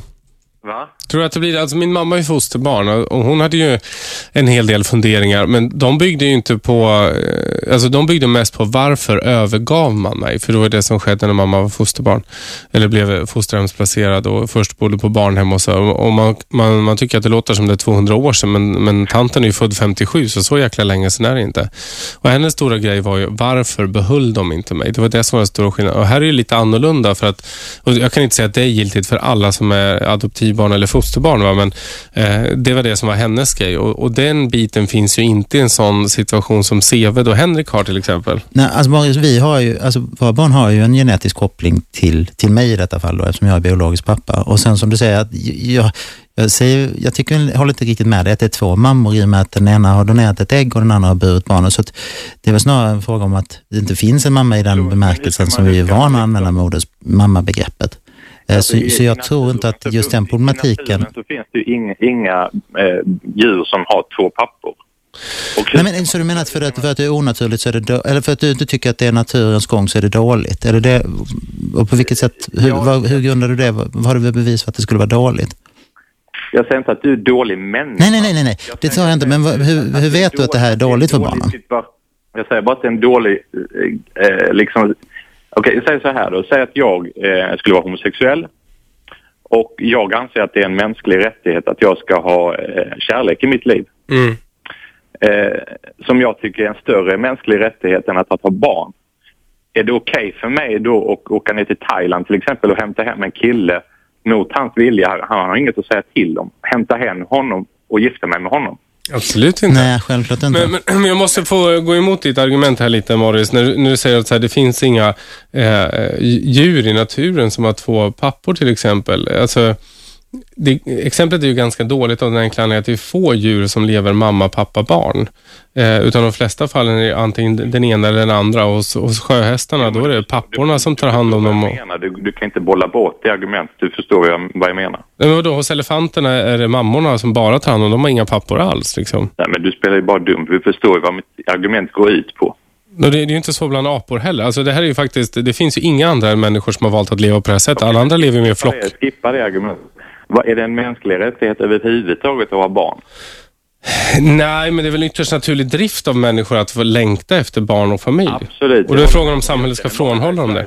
Jag känner ju folk som har haft eh, jobbigt att få barn och jag förstår den situationen. Jag har inte barn själv. Men jag är ändå engagerad i det här problemet. Och jag tycker ändå inte att det är rätt att, att eh, jag menar adoptera. Varför kan inte homosexuella adoptera? Det, eller vi får ju adoptera. Ja, för att faktum är att det har, den lagen den är ju sju år gammal, men det är fortfarande, eller nu var det väl för några veckor sedan var det ett par som fick ett inhemskt adoptionsbarn. Eh, adoption. Men alltså det, det, det fungerar ju inte i praktiken överhuvudtaget. Men Nej, precis. Men var, varför, eh, varför gör det inte det? Nej, för att folk tycker inte som vi. Det är därför att i Kina är det mer Ja. eller mindre förbjudet att vara homosexuell. Kina är ett land, eller hur? Det finns ett 200... Men, men är det ett argument för att det är dåligt då för att ett land, eh, en religiös organisation utomlands är emot eh, att det, är- att det är ett, en, två män som, som... Är det dåligt då? Hur, hur kan, jag förstår inte hur du bevisar att det är dåligt. Du säger att det är dåligt, men Jag jag- vad jag- grundar du det i? Därför att jag grundar i, alltså jag tycker synd om dem, eller inte, jag tycker inte synd om de som ska växa upp med dig, det tycker jag absolut inte, men jag tycker synd om liksom själva, eh, vad ska man säga, att vi tycker att detta är utveckling. Jag tycker bara snarare invecklat. Det är ju jätteinvecklat, det är ju inte en utveckling i samhället. Jag tycker detta är liksom att det, samhället blir mer och mer invecklat. Men du, ja, men du tycker, precis, men det, du, vi tycker olika saker det kan jag hålla med om att, att men liksom, vi vet ju inte vad som. Talare. Han, han refererade till, till forskning där, där, där de inte tycker utan de, där de faktiskt säger att, att Fast de, de undersökningarna känner inte jag till överhuvudtaget. Eh, jag hänvisar till en annan undersökning. Han hänvisar, eller pratar du om han som ringde in innan? För han hänvisar till en undersökning i USA. Det är klart att det, det är olika skillnader i olika länder. Jag menar, frågar du hur det är att växa upp som homosexuell i Ryssland eller i, i Kina, så är det en helt annan sak att växa upp i, i Köpenhamn eller Stockholm eller för den delen att växa upp i Flen. Alltså tror jag personligen. Så jag tror, att, jag tror det är väldigt olika. Jag tror inte det finns något direkt svar på frågan. Men kan du förstå, jag vet inte om du, du har inga barn, jag vet inte eh, om det är någonting som du kommer att skaffa i framtiden, men kan du förstå vår önskan att skaffa barn?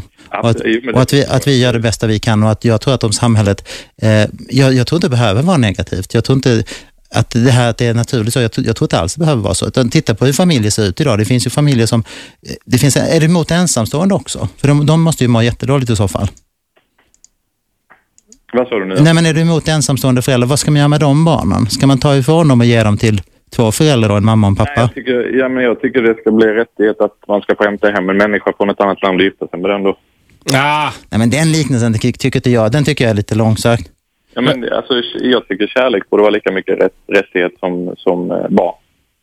Men du kan ju aldrig tvinga någon annan. Man kan inte ens tvinga sin, sina barn att älska en. Men hur ska, varför, ska, varför ska man tvinga en människa till ett annat land? eh, Eller varför ska man... eh, Men ja, ni förstår vad jag menar. Nej, det är det jag inte gör. Jag, jag förlorade också, men det var en väldigt intressant diskussion. Vet du vad Morris? Vi får ta det här ett varv till så kanske vi hittar varandra nästa gång. Precis. Nej, men kör åt. Ja, det gör vi. Ha det bra Morris. Hej. Ja, det- hej. Nu så vi se, ska vi se. Pelle har ju hängt i här på tvåan jäkligt länge. Hej Pelle, lever du? Hej. Jo, jag lever. Ja, toppen. Kör. Jo, Pelle ringde in tidigare om det är någon... Eh, det är bara tramsigt att hålla på och jämföra med elefanter och sånt här. Alltså det, utan, jag, jag skulle vilja gå ifrån det lite utan att prata om andra saker Mm. istället för att prata om attityder och sånt här som, Mm. som ändå liksom är ja. Alltså till, till exempel en sån sak Alltså hur, hur tänker man på... på ja, för, för, först och främst är det precis som man sa, att, att det, det är självklart ingen rättighet alltså, på nå, någonstans överhuvudtaget att, att få barn. Det kommer aldrig att vara. Va? Lik- Liksom, det, det är ju en gåva, va? alltså, Mm. inte är det. Men, men alltså... Men vad betyder, när man säger så som du säger nu Pelle, vad betyder det? Innebär det att man inte ska hjälpa människor som har svårt att få barn att få barn? Nej, nej det, det, utan det handlar om att folk ska inte kunna kräva någon rätt att, eh, att, eh, ska, att, att, att, till barn, alltså, förstår du vad jag menar? Alltså att man, man ska liksom inte kunna, men ja, jag är homosexuell eller jag kan få barn men jag ska ändå, alltså förstår du vad jag menar? Folk ska inte kunna kräva det. Men det var inte det jag ville prata utan alltså att eh, till exempel en sån sak som att att, att en, en kvinna eh, eller man som, ska då, då skaffa barn i en provocerande så här. Alltså, barnet är ju, jag menar, det, det, det, då, då, då börjar ni att prata om att, att ja, det finns ju de som lever med en förälder eller som där föräldrarna är skilda. Men det är inte samma sak. Alltså, om, alltså, modern eller fadern gör ju medvetet ett val där de vet att, att barnet kommer bara ha en enda förälder. Och, och dör den här föräldern, då är ju barnet alltså väldigt, väldigt blottat alltså. Mm. Alltså hur, hur, hur, hur funderar man då när alltså friska kvinnor och män eh, alltså väljer den här vägen? Det, det, det, det är liksom... Det, är- Men, men, men, men, men om, Pelle, om de inte har något val? att, att en annan viktig sak alltså när vi, när vi pratar om just det här alltså om hur, hur folk mår hit så, så kan man gå in på Folkhälsoinstitutets hemsida. Det är en undersökning från 2009 alltså. Att, att, eh, och, och där står det så här, nu citerar jag, eh, att, eller jag citerar inte, men alltså att men en aktuell forskningsöversikt visar att barn som växer upp med en ensamstående förälder i Sverige löper omkring 50% högre risk att drabbas av psykiska problem. Och, eh, ja, och även eh, stö, större eh, risk alltså för, för självmordsförsök och annat. Alltså. Och det är likadant med adopterade barn. Alltså. De ligger ju alltså... Eh, du menar att det kommer bli samma sak med surrogatbarn?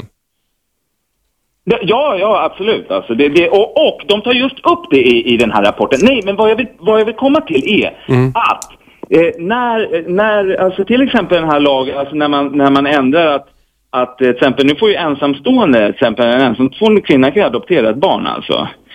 Eh, nu måste man inte få. Det strider menar jag alltså direkt mot eh, FNs barnkonvention alltså. Eh, alltså, det, det, det, alltså det, du kan ta nästan varenda punkt. Alltså, ta det 21 i barnkonventionen. Vid adoption ska staten säkerställa att barnets eh, bästa främst beaktas. Hur beaktar man barnets främsta Vet du vad Pelle? man har en sån här undersökning? Vet du vad Pelle? Vi ska snart ha en paus, eh, men först ska vi föra Isabells fagra röst. Hänger du kvar Pelle så ska vi försöka reda ut det här en gång för alla. Ja. Häng kvar. Då varsågod Isabelle med nyhetspuff. Radio 1. Aschberg. Då är vi tillbaka på Radio 1. 101,9 programpunkten heter Aschberg, men den som är här och pratar idag är Fredrik Fedley. Det är nämligen så att Aschberg sitter och dricker drinkar ur en kokosnöt någonstans på Bahamas eller något sånt där. Så jag vickar måndag, tisdag, onsdag. Eh, som vanligt sänder Aschberg mellan eh, 15 och 18. Idag så pratar vi eh, om surrogatmödraskap och det ringer ta mig tusan hela tiden så man blir knäpp. Jag tror fan det ringer bättre än när Aschberg sänder. Eh, vi har några till på tråden och sen har vi någon fråga som vi ska beta av också från webben eh, nu innan vi avrundar här faktiskt om 11 minuter. Eh, Matte har ringt in. Vi, jag tror vi börjar med att plocka in Matte. Hallå Matte, är du kvar? Ja, jag är kvar. Nu är det din tur. Jo, du, jag tycker det här börjar gälla mer och mer om adoption, om homosexuella istället för om surrogatmödrar. Ja, det är så det ringer in. Det blir lite styrt så. Ja. Men styr tillbaks det du. Alltså, det, surrogatmödrar, det handlar ju mer om en man och en kvinna då, där kvinnans livmoder kanske är skadad eller saknas, va, men äggledare och äggstockar finns kvar. Va? Så att alltså man kan få en känd mamma och så spermier från en känd pappa. Va? Mm. Så det handlar egentligen bara om en maskin som ska ta fram ett barn. Mm. Och om 20 år ungefär då kommer den maskinen att finnas. Ja, precis. Då behöver man inte ens en, Mamman eh, och en kropp. pappan behövs ju, men eh, morsan behöver inte gå med tjock mage. Mm. För att idag om några år så kommer man att kunna göra konstgjorda hamburgare av riktigt kött. Va? Mm. Det finns redan på labbet. Mm. Och då har man kommit halvvägs till det här med konstgjord livmoder också. Mm. Jag försökte lyfta upp det här exemplet. Jag, jag tror att han, Fredrik som var med första timmen pratade om eh, eh, fallet Sandra och Sandra. Och där var det ju så att eh, den ena Sandra ville ha mm, barn med sin man, men det funkade inte. Det var precis det scenariot du beskrev. Eh, så att själva befruktningen fungerar, men hon kunde inte bära deras barn. Eh, och då ville hennes svägerska Sandra bära det, men det finns ingen möjlighet idag i lagstiftningen. Så det är skönt att du lyfter tillbaks det där det egentligen hör hemma. Ja, och sen en annan grej som har att göra med att folk snackar om vad som är naturligt och inte. Mm. Eh, Jag menar, det, är, det som människan gör här på jorden, det är ju naturligt. Jag menar, en del smäller av atombomber va? och en del eh, konstruerar hjärt-lungmaskiner som räddar tusentals människors liv varenda dag. Va? Mm. Och det är lika naturligt det, va? Jag tycker du är väldigt menar, klok, Matte. är satt på jorden precis som en elefant eller som en myra, va? Ja. men gör olika saker. Så vad fan en människan gör på den här jorden så är det naturligt. Mm. Annars skulle det inte finnas människor här. Nej, om fler resonerar som du så tror jag vi hade haft faktiskt en mycket mer intressantare diskussion. För att när folk säger till mig, du kan inte skaffa barn för att det inte är naturligt, men jag kan, ju, jag kan ju skaffa barn. Ja visst, därför människan har den möjlighet att uppfinna den konstruktionerna så att det går att göra. Mm. Och någon har gett människan den möjligheten. Men Tack, tack för att du ringde in, Matte. Du sa mycket klokhet ingen här. vet vem som har gett den möjligheten. Nej. Men någon har gjort det. Mm. Du Matte, jag får tacka dig. Vi håller ju med allihopa i studion. Så att, eh, dagens... Eh, eh, alltså det samtal idag där vi inte behövde säga så mycket överhuvudtaget, för du sa det så bra själv. Och jag menar den här utvecklingen som har varit de senaste hundra åren, det är ju ingenting mot vad som kommer att ske om ett par hundra år till. Nej. Jag menar då kommer de att tycka att vi i stenåldern, precis som vi tycker ånglok i stenåldern idag. Mm. Och titta bara på datorer, hur det har utvecklats och biomedicin och allting. Mm. Va? Det, är, det här är bara början på människans tekniska och biologiska utveckling som vi upplever nu. Va? Precis som man trodde när radion kom, oj nu kommer det inte kunna finnas något mer va. Nej, och när Patentverket i USA 1880 sa att nu behövs inte vi längre, för nu är allt uppfunnet. Ja, eller när IBMs chef sa 1950 när de gjorde den första stora datorn, eller 55, det kommer finnas plats för tre stora datorer i hela världen. Mhm. Ja, du ser. Det är, så är det va. Du, Matte, jag får tacka för att du ringde in till Radio 1. Bra. Ha det så bra, hej. Skön snubbe den där Matte tyckte jag. Eh, Vi hade en, Shabbe, vi hade någonting här på, på webben du ville ställa en fråga Ja, om precis. också. Eh, Isabelle skriver här, ta upp hur det skulle påverka om adoption vore lättare för homosexuella alternativt om adoption inom landet var enklare. För den som lyssnar kan vi bara börja med att säga, det var ju så här, vi pratade ju surrogat, surrogatmödraskap, men frågorna kommer ju handla allt mer om homosexualitet och det kanske bidrar att det sitter två fikusar i studion, det vet man inte.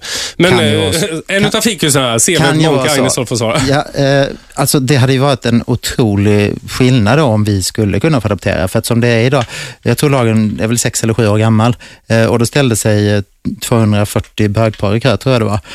Eh, och sen för att då bli, och blev godkända, men sen så finns det ju inga organisationer då utomlands och även organisationerna i Sverige gör inte så mycket, om man ska vara riktigt ärlig, för att hjälpa de här homosexuella att adoptera.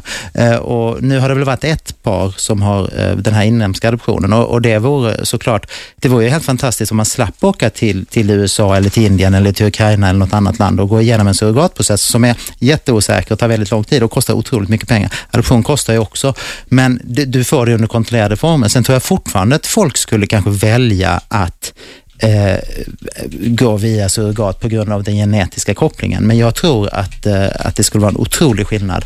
Eh, om, och så, så där finns det ju väldigt mycket man kan göra.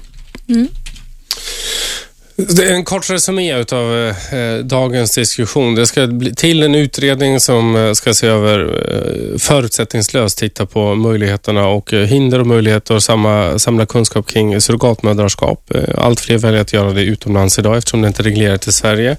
En del tycker att det är väldigt, väldigt onaturligt. Andra tycker att det är fantastiskt och sen så har vi Matte här som bara, men det är klart vi kan. Det är ytterst naturligt om det är så att vi har möjligheten och allt människan gör är ju naturligt.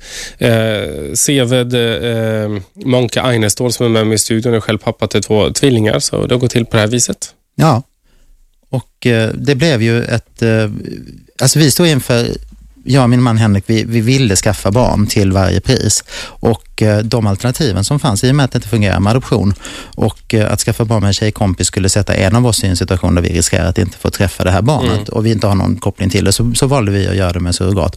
Och vi, vi önskar ju inget hellre än att det här kunde ske under, under ordnade former i i Sverige och jag tror att väldigt, väldigt mycket handlar om i den här debatten om faktiskt om okunskap och att de som sätter agendan, det, det blir väldigt mycket en, en grupp som är emot eh, Mm. och då är det deras röst, röst som får höras och de flesta, det, tycker jag de här samtalen visar idag, att de flesta är ju inte negativt inställda. Mm. Och de flesta, när jag, när jag berättar för människor som jag träffar på stan att det är så, med en surrogatmamma var tvillingar då, så blir folk jättepositiva och vi- väldigt glada och säger, men gud vad skönt att det där äntligen är på gång. Så det, jag tror att motståndet är inte så stort som mediabilden ger, för de flesta förstår att vi homosexuella har precis samma längtan, eller inte bara homosexuella, utan barnlösa har precis samma längtan att skaffa barn som alla andra som har fått barn på naturlig väg. Eller in, som har fått barn utan att anstränga sig, utan, så det har fungerat direkt.